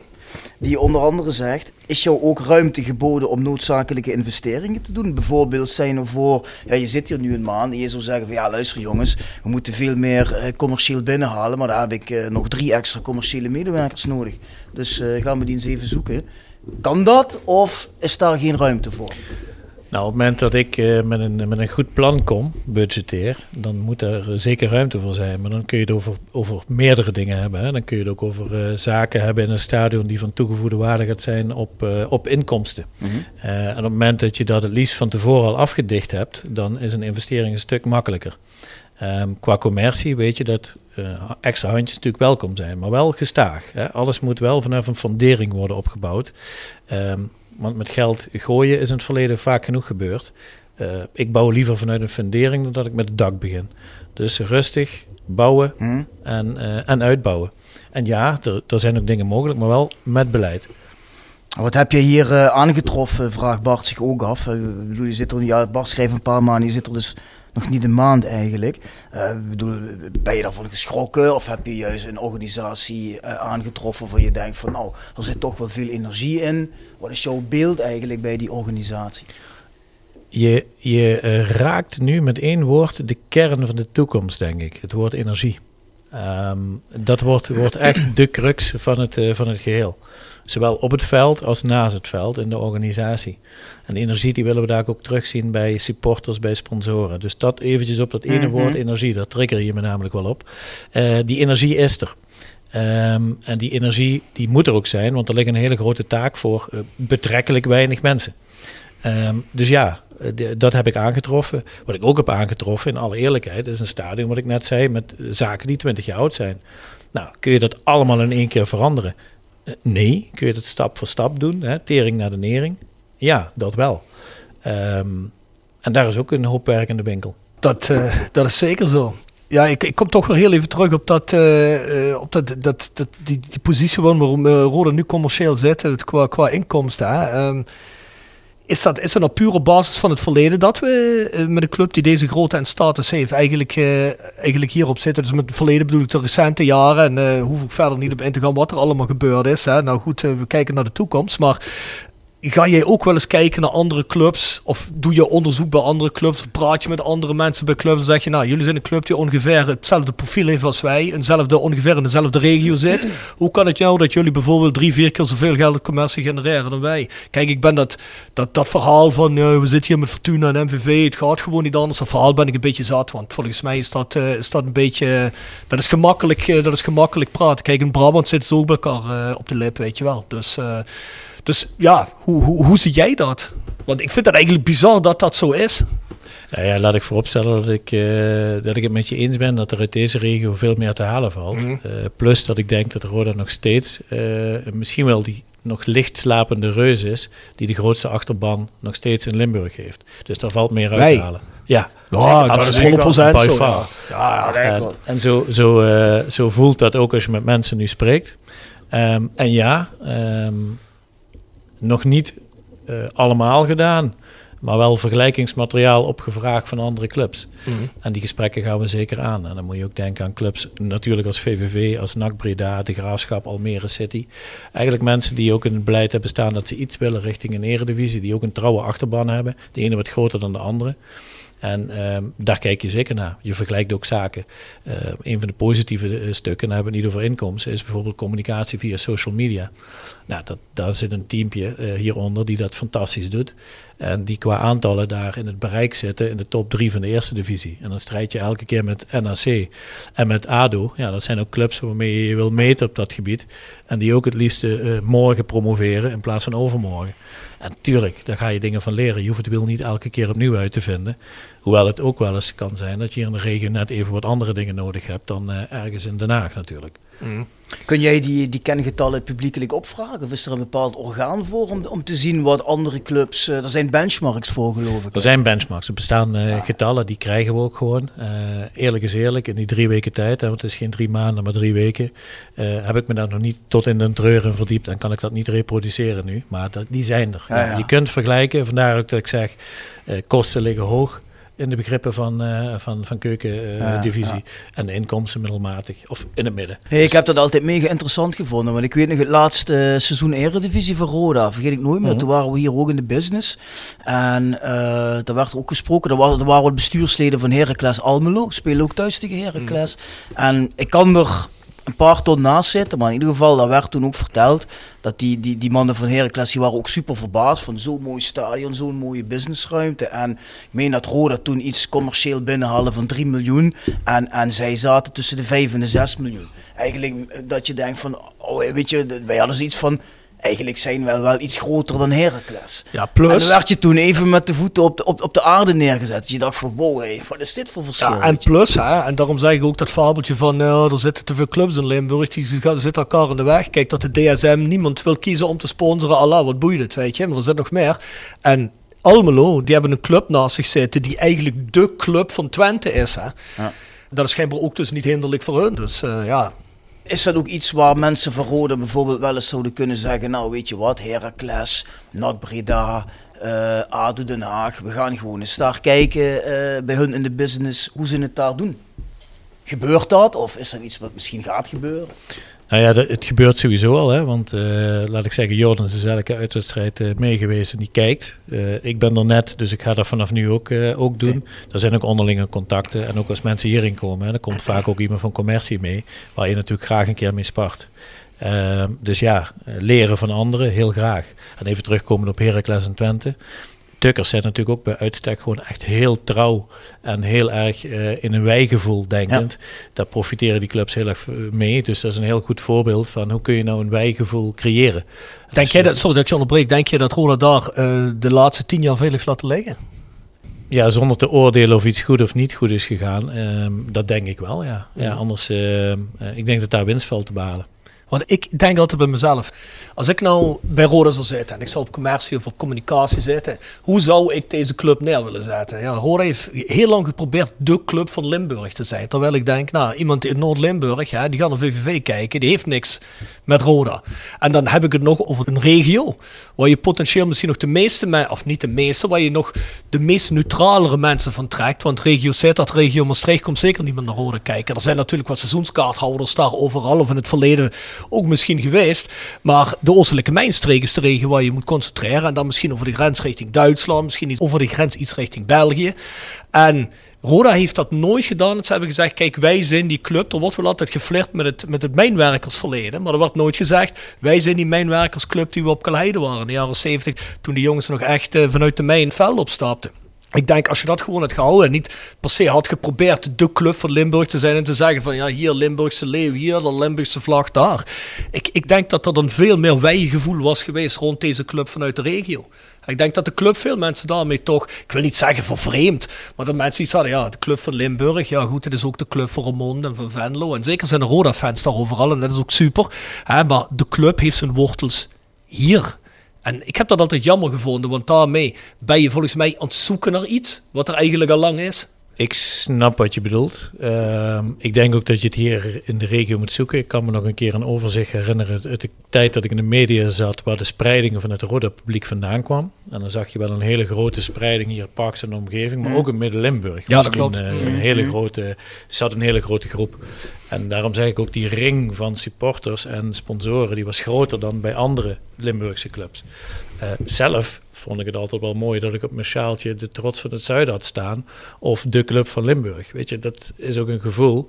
Van de andere kant, hier van deze regio moet je het zeer zeker hebben. Dus aan, aan beide kanten valt wat van te vert- voor Trots van het zeggen. zuiden vind ik inderdaad best een, ja, vind ik eigenlijk altijd een mooie spreuk gevonden. Dat vind ik ook wel gaaf. Maar we hadden ook een hele tijd Limburgse passie. En dacht ik, wat, wat is Limburgse passie? Dat, Ja, ja, dat, dat- vond ik niet echt iets wat je raakt, zeg. Want Nee, maar daar dat wil je eigenlijk mee zeggen, wij zijn van heel Limburg, maar ja, dat, dat, dat, daar zit geen gevoel achter. Nee, precies. Nee, dat begrijp ik wel. Maar kijk, het wil ook niet zeggen dat je dan met mensen uitsluit. Kijk, het gaat erom. Je bent er eenmaal wie je bent. Je komt waar je vandaan komt. Ik woon ook in Duitsland. Ik kan ook net doen of ik uit het Roergebied kom of dat ik Duitser ben. Maar dat ben ik niet. En ik gedrag me zo ook niet als ik daar ben. Ik ben uit Limburg. Ik ben uit Kerkrade. Ik, ik ben wie ik ben. En dan kan ik wel heel veel dingen omheen winnen. En ik kan wel net doen alsof ik dit en dat en dat. Maar dat ben ik gewoon niet. En dat weet ook iedereen. Iedereen in Limburg weet ook dat Roda niet. Of in ieder geval, hè, veel mensen voelen niet dat Roda de club van Limburg is. Mensen zeggen wel, ik ben Roda fan. Ik woon in Roermond of ik woon in Weert. En ik vind dat fantastisch. Maar ik denk dat die mensen ook van de club houden. Omdat de club gewoon is wie de club is. Dat er dan trots van het zuiden op staat. Ja, zeker. Dat zijn we ook. Daar gaat het niet om. Weet je. Maar eh, of dat nou je identiteit moet zijn, dat vind ik een tweede. Nee, precies. Ja, die mensen in Limburg die zijn natuurlijk ooit supporter van geworden, omdat we ook gewoon heel goed presteerden. Dus, Ja, als je goed, weer, maar- dus als je weer goed gaat presteren, dan komen ook wel vanzelf weer mensen van verder af. Dan hoef je niet je imago inderdaad op af te stemmen. Nee, kijk, dat bedoel ik. Kijk eens in Europa gewoon clubs op ons niveau. Niet in de Premier Leagues en de Bundesliga's en de Eredivisies. Maar kijk in tweede divisies, de derde niveaus. De clubs die daar het meeste de mensen hebben, hebben een hele sterke identiteit. En dan kun je die leuk vinden of niet. Maar je hebt wel respect voor die club. Want er zitten wel bij St. Pauli zitten tribune vol. Terwijl die gasten al tien jaar niet meer in de Bundesliga hebben gespeeld. En ook op het derde niveau hebben geacteerd tussendoor. Maar dan zit het wel vol. En dan kun je dat een leuke identiteit vinden of niet. Maar die hebben zo'n sterke identiteit. Er zijn mensen die zeggen, daarvoor ga ik naar die club. En dat heb ik bij ons in die tijd een beetje gemist. Was het zo van... Kom, we proberen van alles en iedereen te zijn. En ja, daarmee probeer je de grootste gemene deler te pakken. Maar daarmee ben je wel niet specifiek iets waar mensen verliefd op kunnen worden, volgens mij. Maar goed. Nou ja, je zegt weer eens iets zinnigs. Dus dat kunnen we concluderen. Ik bedoel, het komt niet vaak voor, maar soms sla je de spijker op zijn kop. Hebben wij nog een eh, rubriekje voor, eh, Zeker. Maurice? The Sound of Calhei. Gepresenteerd door www.gsrmusic.com. Voor muziek en exclusieve merch van Born From Pain, Madball, Death Before Dishonor, Archangel en nog veel meer. Ga naar www.gsrmusic.com. Tevens worden we gesteund door PC Data Logistics Automation. De partner voor leveren, installeren en onderhouden van geautomatiseerde ordeelverzamelsystemen. Zowel lokaal in kerkraden als globaal over heel de wereld. Ook worden we gesteund door Willeweber Keukens. Wil jij graag kwaliteitskeukendesign dat ook bij jouw beurs past? Ga dan naar Willeweber Keukens in de Boebegraaf 1 te Schinveld. Tevens gesteund door CellExpert. Versterk je immuunsysteem met vitaminesupplementen van CellExpert. Roda supporters krijgen 15% korting met de kortingscode RODA15. De Sound of Calais. Maurice, heb jij een, eh, een song van, voor onze Voice of Calais playlist op Spotify? Van je favoriete artiest, een favoriet, favoriete song? Jij luistert toch vast aan muziek of niet? Ja, nee, dat, dat luister ik zeker. Eh, Ik ben eigenlijk... Stop. Waar luistert hij in, denk je? Maurice? Ehm, ik denk dat, Elektronisch, het hardere Nee, werk. ik denk niet dat Maurice van het hardere werk. Ik denk, nee, R&B zeker. Ik denk dat hij meer van de ballads is, zo weet je wel. eh weet je wel wat- Rock ballads. Rock ballads, ja. ja, ja, ja. Eh, dingen, Nothing Else eh, Matters. ja, Wind ehm, of Change. Wind of Change Scorpions, zoiets, ja. Ja? Dat denk ik. Dat denk ik. Wat denk jij dan? Happy Hardcore? Nee, dat denk ik niet. Ik denk dat, eh, even kijken. Jij bent, wanneer ben je geboren? 1977. 77? Ja. is een goed bouwjaar. Ja, ik denk, ik denk zo'n ding. Misschien U2 of zoiets, vermoed ik. Ehm, laat ik zeggen, mijn Zeg muziek, je Hellraiser? Ik ging altijd naar Hellraiser parties. mijn muziek is heel breed. Ja. Eh, liefst de jaren 80, 90. Kijk. Maar ik hou ook heel erg van dance trance-achtige zaken. Ehm, vroeger waren mijn favoriete DJ Chesto. Eh, nu ga ik binnenkort naar Armin van Buren. Kijk. Dus we zitten in die hoek wat meer. En, Ah. Maar in de auto draai ik het allemaal achter elkaar. Dus alles wat jullie genoemd hebben, komt dan zeker een keer langs. Afhankelijk van de mood. Mooi, mooi. En als je er eentje moet eh, uitkiezen, een nummer of zo? Oeh, dat vind ik een hele goeie. Dan pak ik, ja, dan zit ik eigenlijk ook met het hele repertoire van Armin van Buren zo'n beetje. Eh, daar kun je me eigenlijk van alles voor voorschotelen. Dus dan pakken we gewoon een song van Armin van Buren. Ja. Oh, Arme verbuur, arme verbuur, dat is toch die van eh, This is what it feels like? Die. Nou ja, goed, laten we die dan met- meteen dan maar, hè. noteren. Dan, eh, dan, dat, die zit wel echt in de top, absoluut. Ah, is lekker. Ja, This die, is what it feels Ja. like. ja, dat is een goeie. Ja, ja, goede keus. Heb ik je ooit verteld dat ik eh, de enige als een keer eh, live heb gezien. eh, dat we op een festival, ja niet op dezelfde bühne, maar we spelen op een festival in, eh, in Servië. Spelen Ja. we met, eh, dat is een gigantisch groot festival, spelen we met... ja, onze, onze, onze bühne was niet gigantisch groot, maar die van hem wel. Eh, hoe heet die gast ook alweer? Hele bekende, eh, is een Fransman volgens mij. Een DJ. Ja, noem er eens een paar. Hier, eh, Titanium, wie, wie is dat? Een hele goeie. Ik ben inmiddels 44, mijn geheugen begint me in een steek jongen. laten. Nou goed, dat was een gigantisch grote gast. En eh, we, zijn toen van we hebben toen, konden toen een beetje, eh, zijn we achter het podium, een beetje van de zijkant van het podium. Die gast had gewoon met USB-stickjes, dat die, eh, die had dat allemaal al opgenomen, allemaal thuis gemixt. En die kreeg dan waarschijnlijk, eh, kreeg er waarschijnlijk een 100, 150.000, weet ik veel hoeveel dat hij Ja, betaald zeker, kreeg. zeker. Hoppakee, klaar. Volgende concert, USB-stick erin. Ah, ik, ik wil niet zeggen, hè, die mannen die, die doen thuis, hè, zit hij er natuurlijk zit hij er aan te werken. Maar eh, hè, op, dat, op dat dingetje zelf was het niet meer veel eh, DJ'en. Dus... eh, maar dat vond ik wel mooi. Ja, hey, geef hem zo'n gelijk. Ja, nee. goed. Als ik het zo goed kon, zou ik het ook op die manier doen. Groot gelijk jij bent rijk geworden met eh, jouw muziek. Ja, Ja. heel rijk. Huh? Rijk van geest. Rijk voor geest. Rijk hey, van geest. Hey, eh, Maurice, even terug naar de sponsoring. Hè, want want eh, tijden veranderen natuurlijk. Hè. Vroeger eh, was je sponsor van Roda. En ja, dan, dan kreeg je een reclamebordje en daar betaalde je voor. En dat was het dan, denk ik. Hè. Ehm, eh, wat, wat heeft een BVO tegenwoordig een sponsor te bieden? Ik denk dat je hier eh, duidelijk twee soorten sponsoren hebt. Dat is de spon- sponsor die hier komt omdat hij echt hart en ziel heeft. Hè? Mhm, En mhm. die, eh, die eh, zoekt niet direct het zakelijk belang, maar die zoekt zijn vertier. En die, die wil zijn ploeg zien spelen en het liefst zien winnen. En zo, zo hoog mogelijk zien spelen. En de ander die er een zakelijk belang op nahoudt. En een zakelijk belang kun je natuurlijk wel splitsen in een aantal zaken. Wat heeft Roda te bieden? eh, en wat wil Roda gaan bieden? Is een netwerk waarin je gaat connecteren met elkaar. Zowel onderling de, de bedrijven als het bedrijf met, eh, met, eh, met de supporters. Hè? En dat kun je op diverse manieren doen door zaken op wedstrijddagen te organiseren. rond te lopen, mensen met elkaar te verbinden. Maar ook dat online te kunnen doen met elkaar. Hè? We hebben daar ook een app voor. Eh, maar ook om business arrangementen naast het voetbal te gaan organiseren. Die zijn er natuurlijk al. eh, maar die moeten weer worden opgepakt na coronatijd. En zo eigenlijk veel intensiever met de sponsoren om te gaan. Ehm, en ook daadwerkelijk ze eh, te voorzien van de nodige leads. Eh, er, er is natuurlijk, zeg je net al zelf, hè, er is natuurlijk weinig ruimte geweest om bepaalde events en connecties te kunnen leggen. Waar je mensen op uit kon nodigen, commercieel gezien, eh, de afgelopen twee jaar. Ja, toen zat jij er nog niet, hè, maar die, die ruimte was er ook niet, ehm, gezien eh, het hele COVID-gebeuren. Ehm desalniettemin, in die tijd zijn er, eh, er werd ook vaak gezegd, nou er zijn ook geen sponsoren, er zit ook geen geld meer, want niemand heeft meer geld. Ja goed, eh, we hebben bijvoorbeeld een van de funders, of allebei de funders zelfs, hebben zelfs eh, keihard munt geslagen uit die periode. Hè. Er is er eentje die heeft een streamingdienst, iedereen zat thuis, zat te streamen, spelletjes te doen, had hij zijn, heeft hij zijn aandelen in.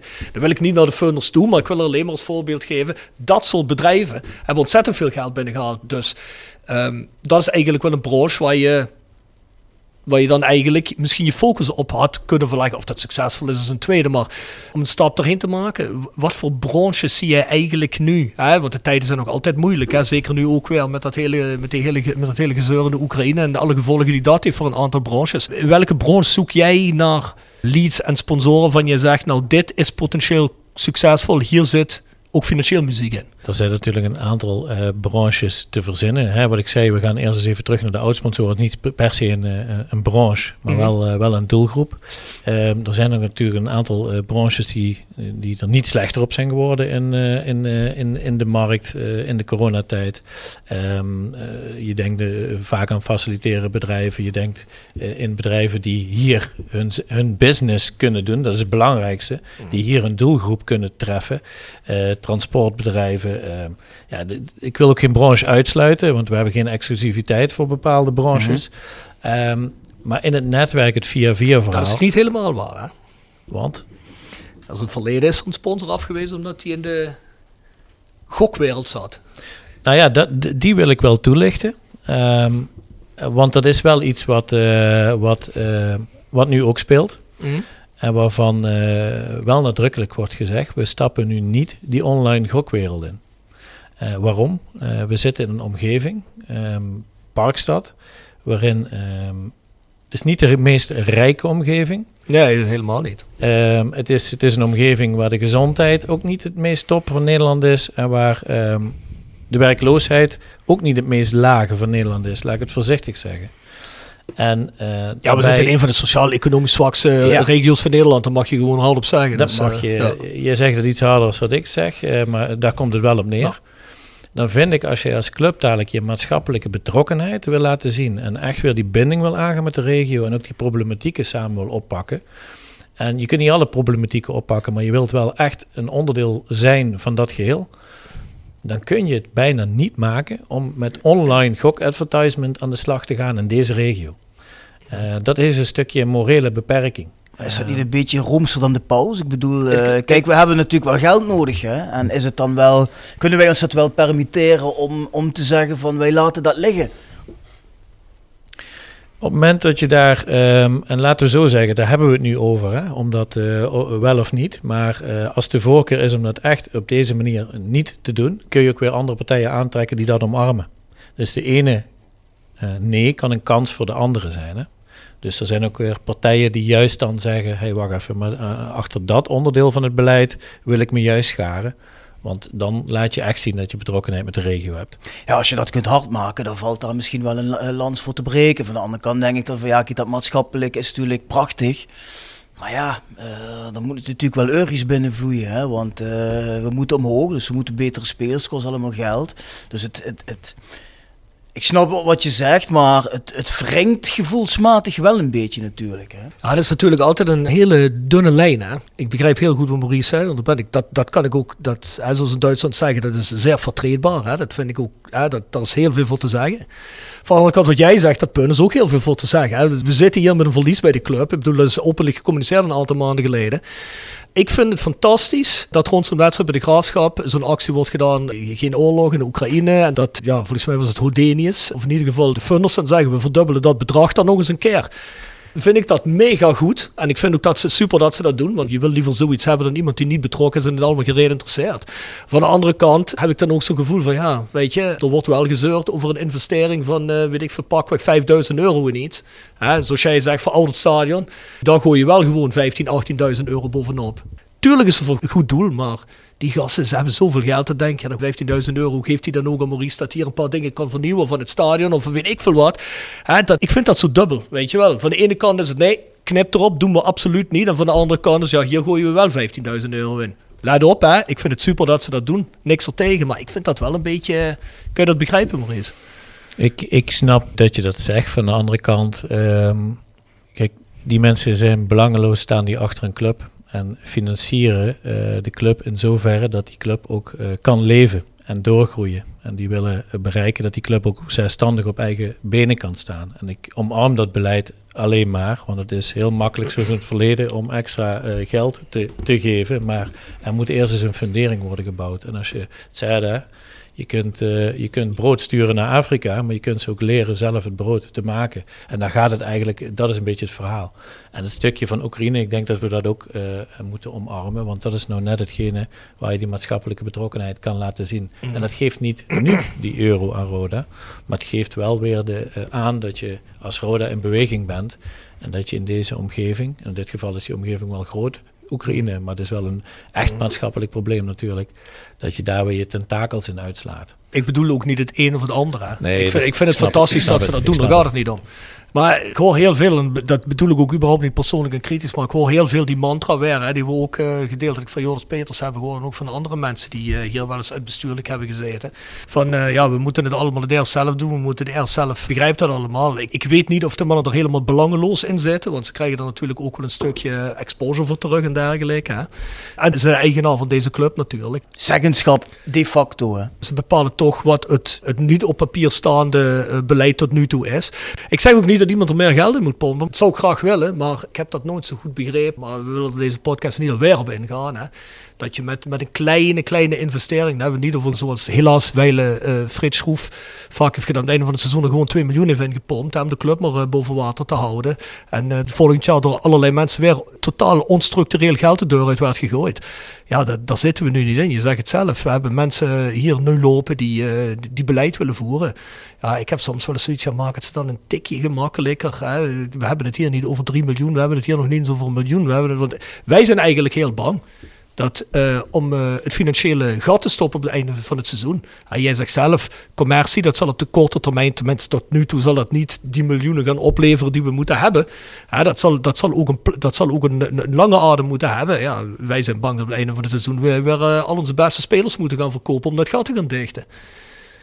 Ja, kijk, op dat gebied zal, uh, is, is het niet eens niet al onze beste spelers, hè, maar is het niet eens verkeerd om wel vanuit vroeger was Rode ook een handelshuis à la Nol Hendricks, hè, waarbij je af en toe ja. een hele goede speler verkocht en waarbij je daardoor weer andere spelers aantrok.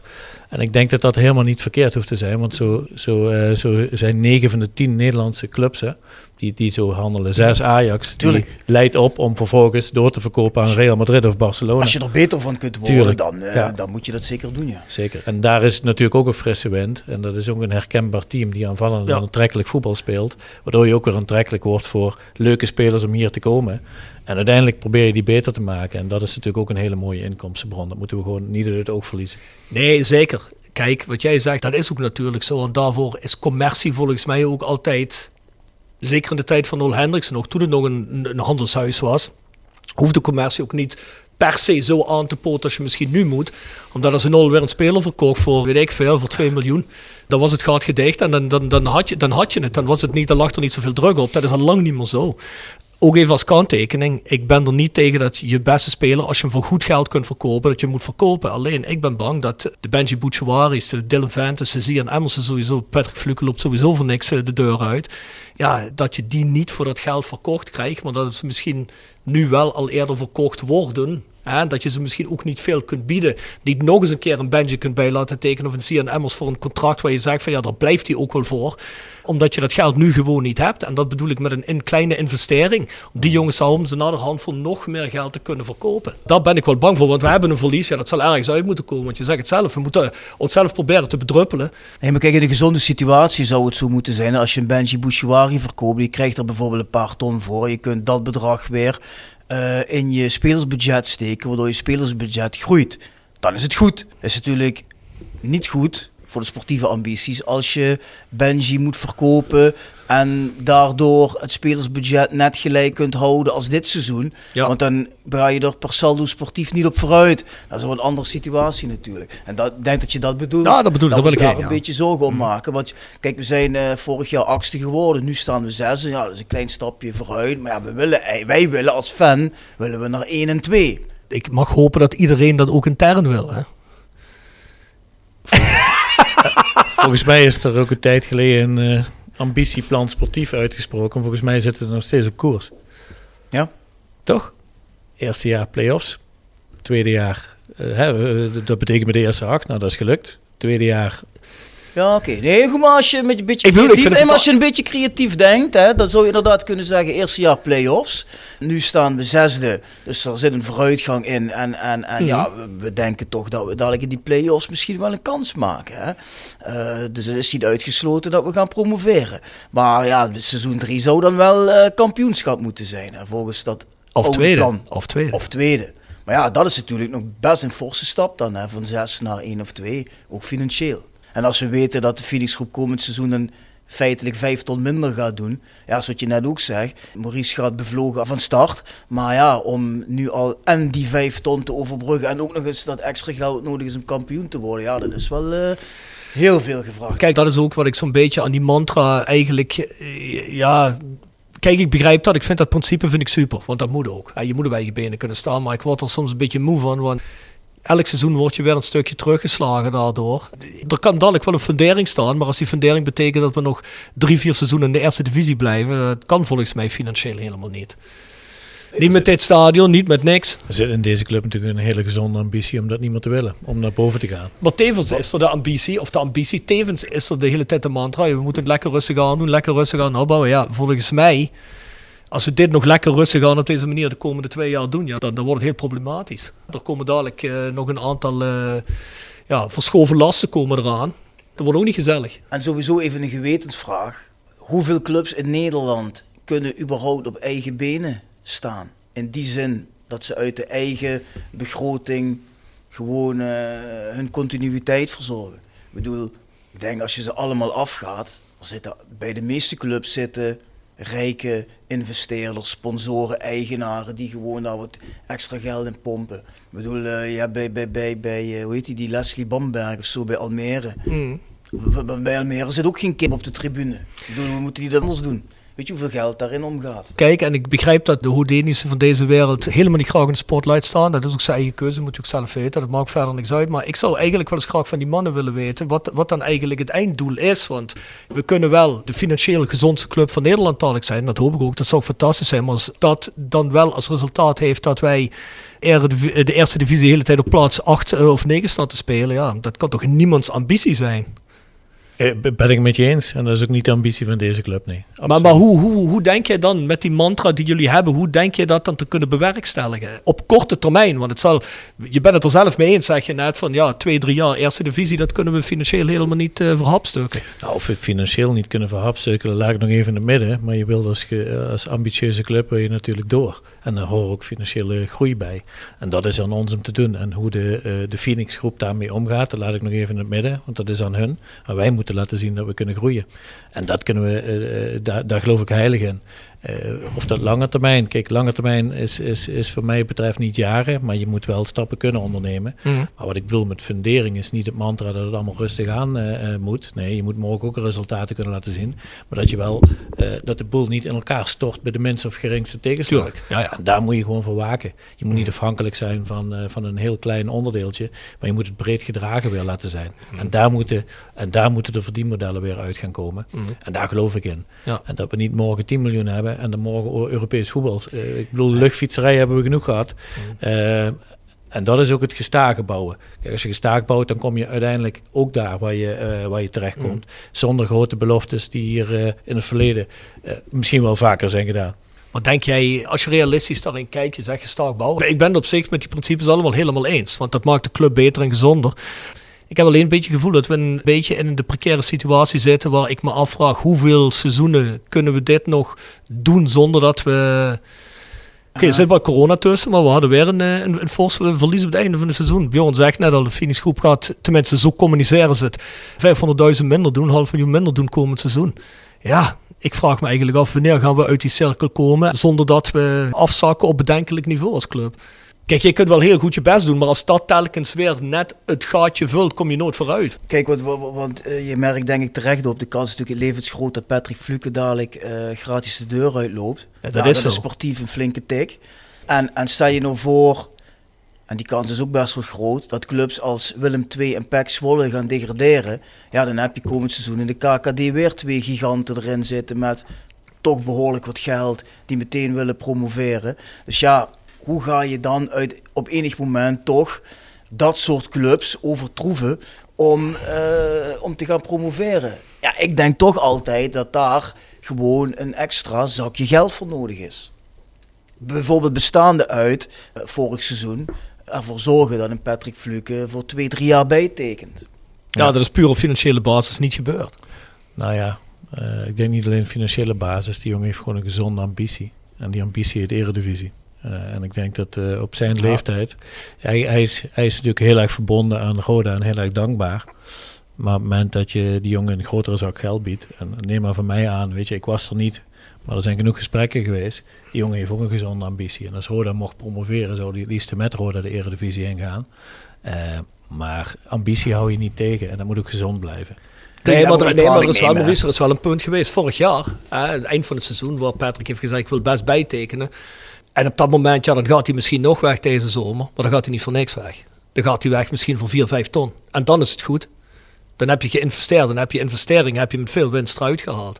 Ja, dat... dan heb je het denk ik over deze periode een jaar geleden. Misschien nog ietsje langer. Toen die, toen ja, die, precies. Hè, ja, ja, toen, toen was hij denk ik wel bereid om... Maar toen uh, wist Jeffrey van As nog niet welk budget hij dit seizoen zou hebben. En dat heeft toen te lang op zijn gat gelegen. En dat is wat jij bedoelde met toen had er doorgepakt moeten worden. Precies. Kan Maurice ook niks aan doen. Nee, nee, precies. Dat gaat ook niet daarom. Maar ik kan me wel voorstellen, als jij dat zelf ook allemaal weet, laten we het hopen dat jij dadelijk super gaat presteren. Hè, dat alles lukt, alles loopt, eh, of veel lukt. Commercie gaat 100%, 200%, 300% meer binnenhalen. Laten we eens even lekker, eh, lekker positief zijn. Ja, en dat je, dat je dan toch nog door omstandigheden, dat je gewoon niet die stap kunt maken. Door wat Bjorn zegt, je hebt altijd situaties waardoor je te maken krijgt op sportief gebied met competitie, hè, dus met concurrentie.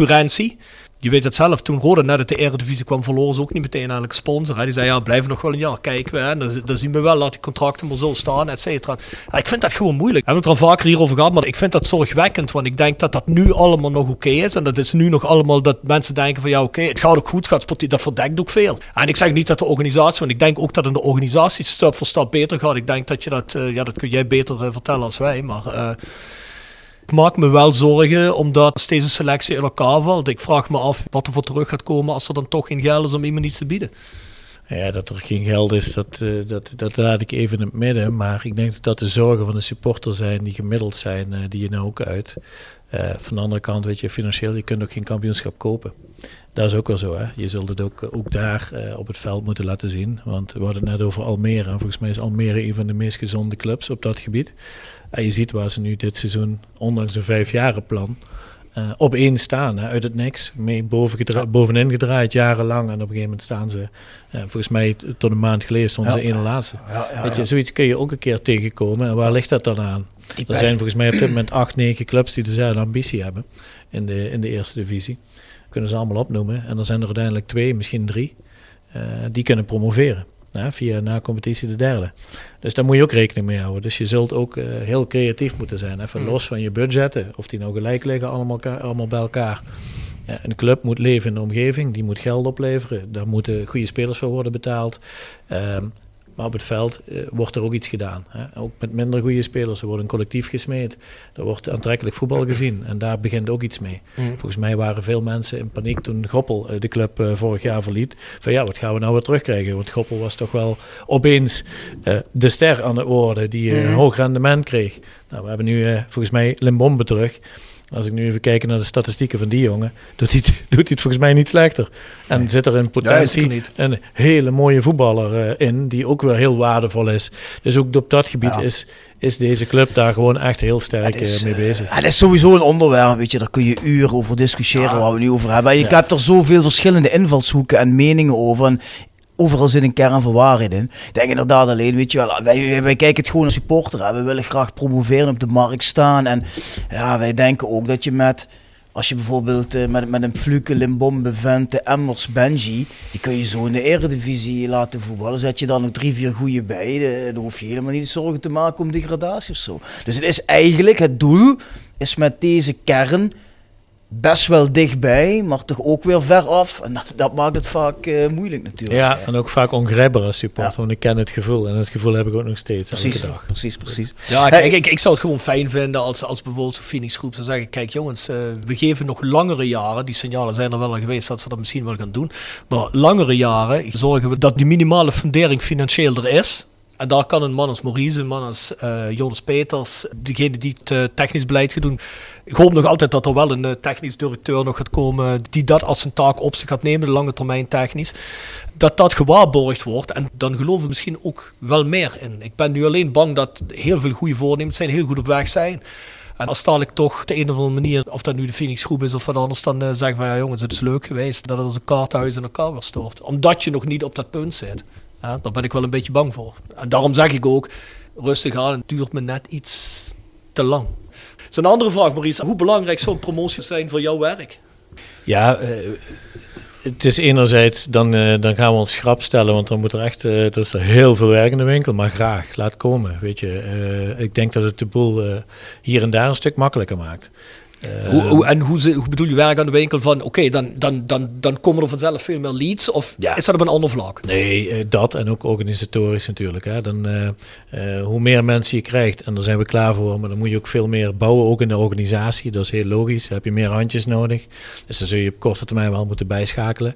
Maar het maakt het maakt de gesprekken wel makkelijker. Kijk, mensen die, eh, die hier met hart en passie eh, komen, ja, die, die, die, die nu nog, eh, nog steeds ook als sponsor komen, die blijven ook komen. Maar er zijn er ook genoeg die willen gewoon eh, Ajax, PSV en Feyenoord en Heerenveen zien. En die, die nu dus eh, een paar jaar weg zijn gebleven. Ja. En, en daar kun je natuurlijk eh, op een wat makkelijkere manier eh, winst halen. Maurice, kom je wel eens in Italië? Mijn favoriete vakantieland is Italië. Ja, ben je wel eens in Palermo geweest? Nee, daar ben ik Nee? nog niet geweest. Ik ben met name in Noord-Italië en in eh, Toscane geweest, eh, waar de wijnranken mijn voorkeur hebben. Oké, want ik heb Oeh, misschien een lied voor je. Ik heb misschien een lied voor je, want in eh, Palermo daar woont natuurlijk Giacomo Verigi, Ja. rode supporter. Wie kent hem niet? Heeft vroeger op Simpelveld gewoond, seizoenskaart voor Rode, is nu terug naar Italië. Fan van Palermo, maar volgt Rode nog op de voet. En hij appt mij net en vraagt voor jou, ciao Maurice, samen met mijn zus en broer, ik ben owner van twee hotels in Palermo en Mondello. Wat is die prijs van een rekbare bord? En dan schrijft hij eronder, sorry, ik bedoel reclamebord. Dus misschien dat Giacomo denkt, een, een, een, een mooi bordje voor eh, zijn hotel in eh, Mondello. Ik, ik vind dit al fantastisch. Stuur me die alsjeblieft door, want dan wil ik heel graag met Giacomo in contact komen. En eh, dat geldt trouwens in de breedte. Hè. Kijk, eh, wat ik toen straks al zei, eh, we kunnen niet alles met, met de handjes die we, die we nu eh, hebben. Nee, dat kan geen enkele club. Je hebt een tweede ring nodig van ambassadeurs. Eh, en wat wij willen is dat die deur hier open staat. De deur open staat voor ideeën, voor contacten. Het is geen ivoren toren, Parkstad Limburg Stadion. Slaat zijn deuren gewoon open. Ik ben bereikbaar, Jordans is bereikbaar. Eh, laat maar komen, die ideeën. En ook de leads. Wij pakken ze graag op. Dat vind ik een hele goeie. Section Frietenboot. Gepresenteerd door Herberg de Bernardeshoeve. Weekendje weg in eigen streek? Boek een appartementje en ga heerlijk eten met fantastisch uitzicht in het prachtige Mingersborg bij Marco van Hoogdalem en zijn vrouw Danny. www.bernardeshoeve.nl En Stokgrondverzet uit Simpelveld. Voor al uw graafwerk, van klein tot groot. Onze gravels staan voor u klaar. Tevens worden we gesteund door Wiert's Company. Ben je op zoek naar extra personeel? Bezoek het kantoor van Wiert's Company in het Parkstad Limburg Stadion. Of ga naar www.wiertz.com. Section frietenboet, hè? Seksje frietenboer, ja, dat dacht ik toch. Hè. Wat is je favoriete frituursnack, eh, Maurice? Oh, mijn favoriete frituursnack. Dan ga ik eens even heel goed nadenken. Die is nog wel eens gewisseld. Maar Ja. ik denk dat ik toch op de Mexicano uitkom. Verdomme, die is populair, hè, die Die Mexicaan. Mexica verdorie, Iedereen ja. vindt die Mexicano lekker. ja, hè? Mexicano. Gewoon een beetje pittig. Hou ik wel van. Picanto kan ook. Picanto ook? Jawel. Picanto ook? Ja, misschien, zeker. Misschien Oh, pakken is we die. allebei een beetje pittig, hè. Die, worden, die, worden, die, die wordt wat minder genoemd. Maar waar kan de Rode C-supporter jou eh, te- tegen het lijf lopen? Welke frituren kom je zo al? Boah, ik, ik kom de laatste tijd wat minder in de frituren. Ik hou wat meer van pizzeria's. Oh, ook lekker. Ja, en als ik, eh, als ik hier in de omgeving ga eten, dan, eh, dan, dan doe ik dat wel graag nu aan de overkant. Eh, met, met de kids richting eh, Happy Italy. Mhm, mhm. En eh, lunchen eh, daarnaast bij, eh, bij de Beren Ja. is ook niet verkeerd. Is goed, hè? En ik verheug me op de opening van de brasserie hieronder. Ah, ik zeggen, ik- die- Maurice gaat toch niet de brasserie vergeten? Hè? Nee, nee, nee, daar verheug ik me erg op. En we hebben een voorproefje gehad, dat wordt echt goed. Dat Hey, maar is die brasserie wat ik vragen wil? Ivy zit hier als, als cateraar. Hè? Yes. Betekent dat dan dat. Hou je dan nog het zenden over? Of eh, hoe zit zo'n construct in elkaar? Gelukkig wel. Hè. Kijk, uiteindelijk wil je, wil, je, wil je samen weer groter worden. Wil je ook samen eraan verdienen. Ehm, alleen, ja, eh, daar hoort ik een bepaalde kwaliteit bij. En we zijn overtuigd dat, dat die kwaliteit ook geleverd kan worden door Ivy. Ehm, en ja, deze partner heeft natuurlijk ook ervaring bij meerdere clubs. En ze weten wat ze doen. En eh, natuurlijk hou je er alle twee wat aan over. Ik heb gezien dat er een hele mooie foto in de brasserie komt te hangen. Welke foto komt er in de brasserie te hangen? Kampioen zelf al, 72, 73. Jij bedoelt de, wand die Ja. vanuit de mannen van het museum. Ja, die er, die er niet, oh, dat moet ik niet zeggen, gehangen, hoe noem, hoe noem je zoiets? Ja, eh, Ge, geappliceerd is? Eh, geen idee. ja, ik denk dat die achter een van die glazen deurtjes in die wand komt. Die, die- ik denk dat je dat bedoelt.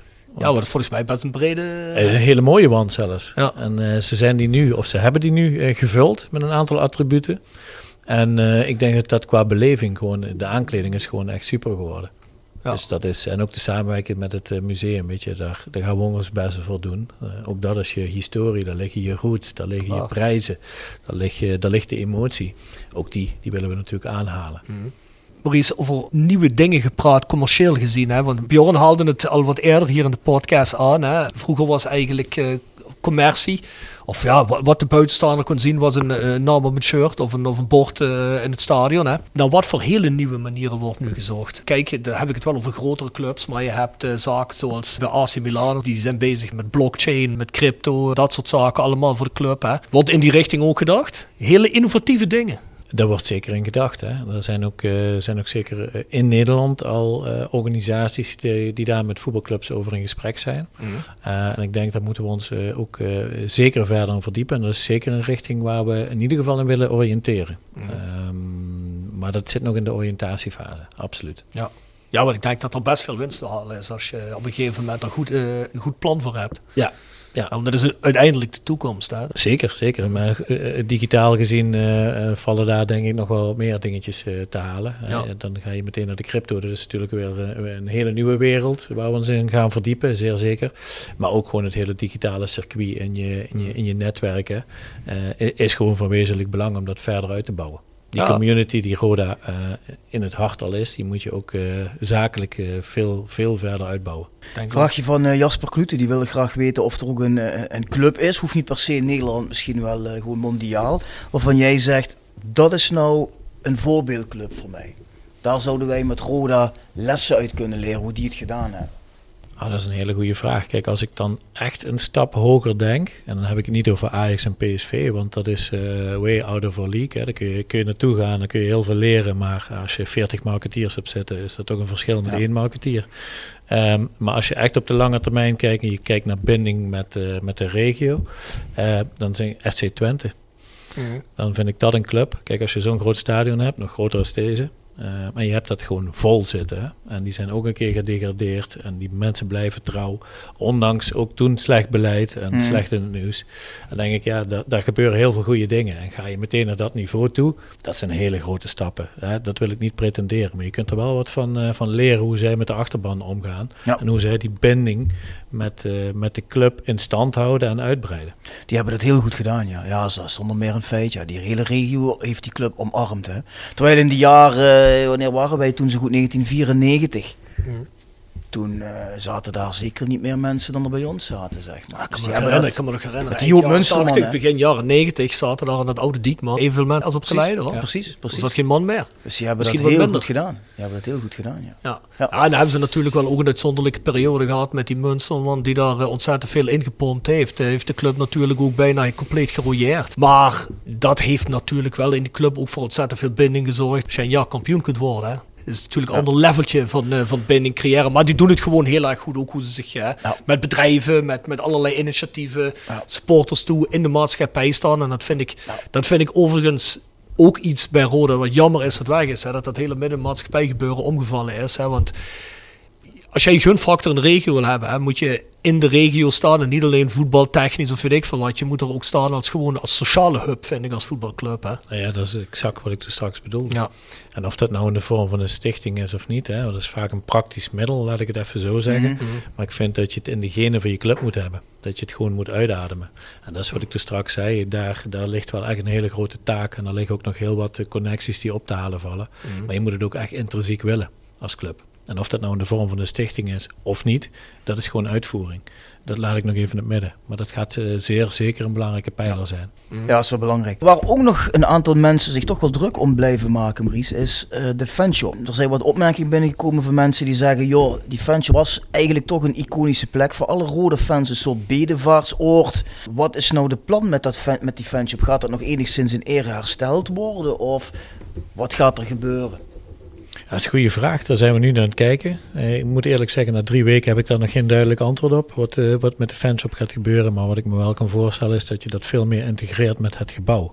Kijk, nu is het eh, eigenlijk een afgesloten ruimte die je een aantal uur per week kan bezoeken. Ehm, terwijl daarnaast de hoofdingang van het Parkstad Limburg stadion zit met schuifdeuren die de hele dag open en dicht gaan. Ja, dan moet iets te verzinnen zijn dat die fanshop op zijn minst toegankelijker gaat worden. Eh, plus, eh, daar, daar moeten we ook echt energie in steken. Ehm, veel fanartikelen van andere clubs worden ook online natuurlijk verkocht. Ehm, en ook daar eh, moet aandacht voor zijn van hoe kunnen we dat eh, nog veel beter promoten en eh, ook veel beter nog exporteren. Je kunt misschien wel eens, wel eens de connectie maken met die brasserie dan, hè? kijk, Dat je dat, dat misschien is- kunt combineren. ja, de- dat je een ingang via, via het ene en een uitgang via het andere kunt doen. Ja, klopt.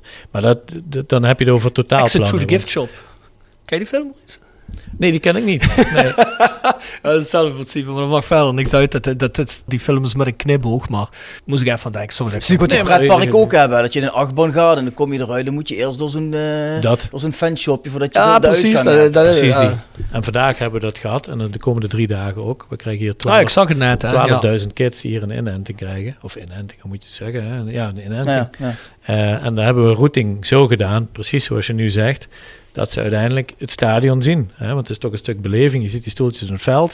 Het is toch eh, magnifiek. is wat anders dan een kantoorgebouw.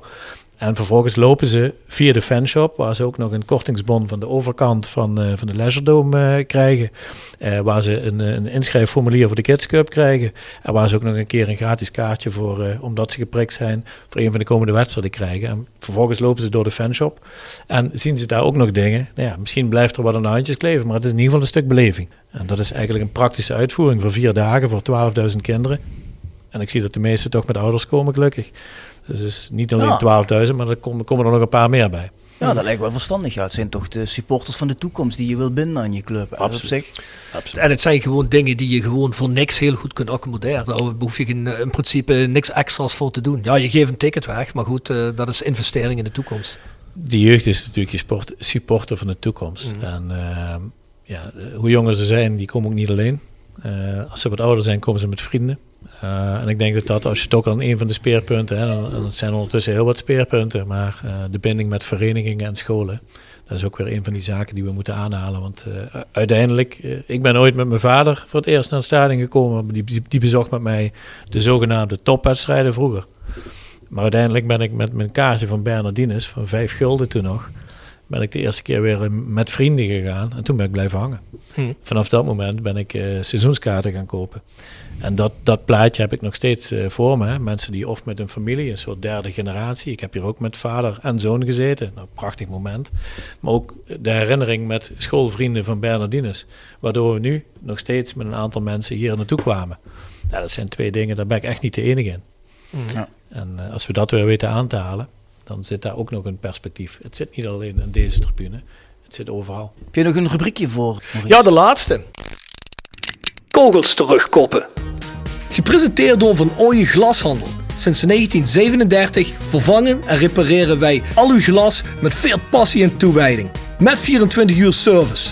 www.vanooyen.com En Quick Consulting. Laat finance waarde toevoegen aan je organisatie. We komen graag met je in gesprek om aan de hand van concrete voorbeelden duidelijk te maken hoe we dit ook binnen jouw onderneming kunnen realiseren. Think win-win, think quick. www.quickconsulting.nl Tevens gesteund door Roda Arctic Front.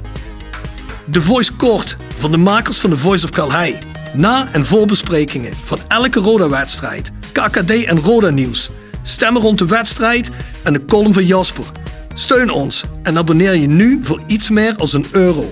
Op petje.af, schuine streep naar voren, The Voice of Calhei. Kogels terugkoppen, Maurice. Dat is een rubriek. Dan ben je een van de laatste tien personen die daar iets in gaat zeggen. Want die rubriek verdwijnt volgend seizoen. Ben ik toch heel benieuwd. Ja, zeker. Zeker kun je ook zijn. Kom eens terugkoppen. Als jij nou iets in je leven zou mogen veranderen, een andere weg zou mogen inslaan, wat zou dat zijn? Of, hè, wat de meeste mensen zeggen, "Eh, alles wat ik heb gedaan, had ik precies zo gedaan. Als je dat niet hebt, als je iets hebt van dat je zegt, dat vond ik zo prachtig, dat zou ik wel een keer willen herbeleven. Wat is dat dan?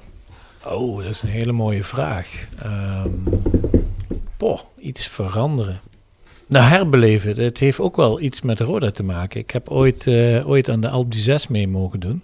Aan wat? Eh, aan Alpe d'Huez. Dat, was, eh, dat is zes keer die berg in Frankrijk op voor het goede doel, voor het doel, kanker. ja. Fietsen, fietsen voor het kankerfonds. Ja. En dat heb ik in 2015 mogen doen. Ehm, en ehm, dat hebben we met een flinke zak geld en sponsoring kunnen doen. En toen ben ik ook die berg opgegaan. En die beleving die je daar meekrijgt, dat je echt iets voor de ander doet, die is gigantisch. En overigens werd ik toen ook door Roda gesteund, want hier mocht ik toen een skybox ex- exploiteren, waarbij de opbrengst van die skybox volledig ten behoeve van dat, dat goede doel van het kankerfonds was. Dat vond ik prachtig, want eh, ja, dat tekent ook toen de club. Dat kon allemaal en daar wil ik ook weer in terug. Dus daar komt voor mij twee dingen samen.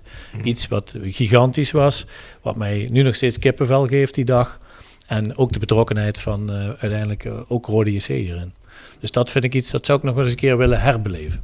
Dat is mooi. Ja. Dat is mooi. De meeste gasten kwamen niet verder dan ik weet het niet of ik heb niks. Er zijn er maar drie. Maurice heeft iets verteld. Ik heb iets verteld en jij hebt geloof ik ook iets verteld. Ja, er zijn er nog wel een paar meer. Hoor. Dan zitten we toevallig gewoon met z'n drieën aan tafel. Ja, dat is ja. Ik geloof dat hij wou dan een andere vrouw of wat had je gezegd? Ja, ja, drie anderen. Hè. Drie andere. Ja, wie wil het niet? Stiekem. Ik weet, dat mijn, ik weet dat mijn vrouw graag wil luisteren nu, dus ja, die Gaan we niet doen. Ja, die van spreekt Engels, dus ja, hij kan, hier, hij kan zeggen Ja, wat hij hij kan wil. hij eh, wil. Hij krijgt toch geen probleem. Als er ooit Nederland onder de knie heeft, worden die allemaal teruggeluisterd. Dan krijg je de problemen dan wel. ai, ai, ai. Hey, maar ja, ik denk duidelijk verhaal, Bjorn. Ik denk een eh, heel goed verhaal van Maurice. Ook fijn dat je al zo snel naar je dienstverband bij ons eh, wilde komen zitten om iets te vertellen. Bedoel, Dat zijn de personen die bij ons altijd de meeste sympathie hebben. Dat hè? zijn ook degenen die altijd eigenlijk uiteindelijk het meest succesvol worden. Hè? Die het snelste bij ons komen zitten. Ja, Jeffrey van As. Ja, ja. Nee, dat moeten we niet vertellen. Hè? Dan tegen Maurice, anders krijgt hij dadelijk een dompertje. Nee, ik, maar... ik, ik moet ook wel zeggen dat, eh, dat, dat eh, Rob ook wel heel snel was. Ja? Ik denk binnen het uur na de aankondiging kreeg ik al de uitnodiging. Ja, dus dat eh, ook eh, compliment. wij- wij jij hebben- het contact met Rob ook als erg vervelend ervaren? Dat als meer andere gasten dat hebben? Of... Blijf je nog even dadelijk? Ja, ja, ja, ja. ja. Oké, ja, ja. hebben we het wel Nee, maar ik, ik, nee, ik denk dat Maurice... Ja, het, ik ben de eh, enige die altijd dickpics naar onze gasten stuurt waar dat nog niet van uitgekomen is. Nee, nee, dat is nog houden ze goed wachten. geheim. Het is nog altijd wachten tot jij ook op de MeToo-stoel zit. Ja, Maar even... Het is wel vervelend. Ik heb mijn nummer aan mijn vrouw gegeven. Dus ik zal eens heel even kijken. Oh, daar heb ik ook nog geen klacht over gehoord. Dus. Maar ja, dan moet je vrouw wel heel erg flink uitzoomen, wil ze iets zien. Maar... eh, Uitzoomen, ja, niet inzoomen. Nee, uitzoomen. Ja, precies. Nee, uitzoomen. Ja, dat het groter maken. Nee, ik denk dat je... Nee, maar even alle gek op stok. Ik denk dat Maurice een ja, bevlogen indruk maakt. Dus goed om te horen. Ik hoop dat hij veel succes gaat krijgen de komende maanden. Want dat is goed voor Roda. En dan ook wel goed voor ons. Ja, wat ik er nog over wil zeggen is dat ik blij ben dat hier weer iemand zit die in ieder geval zonder te veel honing om de mond te smeren. Dat hebben we ook bij Jonas Peters eigenlijk zo gezegd. Die indruk heb ik ook daarvan. Jij zegt al, iemand komt snel zitten, wil graag zijn verhaal doen. Kijk, bij ons hoef je niet per se je verhaal te komen doen. Als je niet wil, wil je niet. Dat is klaar. Het maakt verder niks uit. Maar het spreekt voor mij altijd uit dat je toenadering zoekt. In je werk open bent, je wil graag ergens heen. Uh, Jordans had dat ook. Uh, ja, heel eerlijk, Jeffrey had dat ook. Ja, uiteindelijk is dat niet gelukt, maar goed, dat is een tweede. Maar dat zijn wel altijd de mensen waar je aan kunt merken dat er wel iets begint te gebeuren. En dat er wellicht, als wij het gevoel hebben, dat ook meer mensen dat gevoel zouden kunnen hebben. Waardoor het toch meer een geslaagde missie zou kunnen worden bij het einde. Dus ja, ik, ik vind dat alleen maar positief. En ik vind het ook heel positief van Maurice zegt, de deur staat altijd open. Mensen kunnen met ideeën komen, we zijn benaderbaar. En dat, uh, dat vind ik En sowieso, ik vind het belangrijk dat Maurice zei, weet je, hij heeft altijd op West gestaan, West 12. Dus eigenlijk is hij gewoon supporter, een van ons. Ja, en dan heb je in mijn beleving toch al snel uh, de gunfactor. Ja, dan vind ik ook dat iedereen uh, daarachter moet staan. En iemand moet steunen en waar mogelijk uh, moet proberen te helpen om te slagen in zijn opzet. Ja, dus mensen, oud-sponsoren die misschien hierin luisteren. Ja, die zeggen van ja, weet je, ik luister nog wel naar die podcast, maar met Rode zelf had ik niet meer zoveel. Ze hebben er ook al een aantal van tegengekomen. Ja, ja dat klopt. Ja, ga eens met Maurice praten als hij nog niet contact opgenomen heeft. Want ik denk dat je misschien best een verhaal hoort waardoor je misschien zegt van ah, ik wil best wel weer terugkomen. Ja, ik vind het een goede oproep. En uh, daar is hij ook voor bedoeld. Ik zeg niet voor niks, de deur staat open. Weet je, ik ga proactief, maar uh, mensen komen ook naar ons toe. Uh, geldt zowel voor mij als voor Jordan, als het hele, hele, hele bedrijf. Ja, zoek ons op, par met ons, deel ideeën, deel kennis, deel netwerk. Um, en het liefst natuurlijk ook nog uh, iets, uh, iets zakelijks waar we financieel worden. Deel je rekening. Natuurlijk. En, en, en nog eentje, dat is misschien ook een hele goeie. Dat viel mij tenminste op. En dat zal ook met de binding met de club te maken hebben. Kijk, we zijn ook op zoek naar vrijwilligers. En die kunnen we ook uit de supporterscharen halen. En daar gaan we echt leuke dingen mee doen. Maar we hebben af en toe ook gewoon handjes nodig. Gewoon simpelweg handjes die, uh, die iets kunnen betekenen om iets op te bouwen of af te breken. en dat is bij deze een oproep. Volgens mij is er net ook weer voor geworven. ja, meld je daarvoor aan. wij zorgen dat het ook leuk wordt. Hè, dat er ook eens een keer wat speciaals wordt geregeld. Maar die, die handjes en die betrokkenheid, daar zijn we echt ook naar op zoek. Goed. Nou mensen, jullie weten hem te vinden. Mooi Gewoon een rode bellen en dan Maurice vragen. Alright. Ja, Maurice, bedankt dat je er was. Ik vond hem leuk. Top. En veel Ik succes. Ja, Dankjewel zeker. en dank voor jullie uh, steun en ook voor de oproep uh, ja, aan anderen om uh, ons te steunen. Niks te danken. Het blijft toch je club, hè? Ja, uiteraard. We willen naar die eredivisie. Ja, dat willen we zeker. Rondje sponsoren. Ja, dan moet jij beginnen. Even een leesbril zoeken. Oh, nou, daar is Jegers Advocaten. Nextdoor, Kapsalon, Nagel en Beauty Salon. Hotelrestaurant de Veilerhof. Herberg de Bernardeshoeve. Noordwand. www.gsrmusic.com. Stokgrondverzet. Rapi Autodemontage. Van Ooyen Glashandel. Quick Consulting. Wiertz Company. Fendo Merchandising. Nederlands Mijnmuseum. Marimi Solar Heerlen. Roda Support. PC Data. Metaalgieterij van Geelst. Willeweber Keukens. Celexpert.nl. En Roda Arctic Front. Roda fans uit. Scandinavië. Dat zijn Zo ze. is dat. The Voice of Calais at south16.com is ons e-mailadres. South16.com is ons webadres. Daar zit onze shop ook aan vast. En ga daar kijken. En petje.af, schuine streep naar voren. The Voice of Calais. Vind je alle nabesprekingen met Bart Eurlings, Jasper Klute en mij. Ga je daar abonneren. Tot volgende week. Adieu.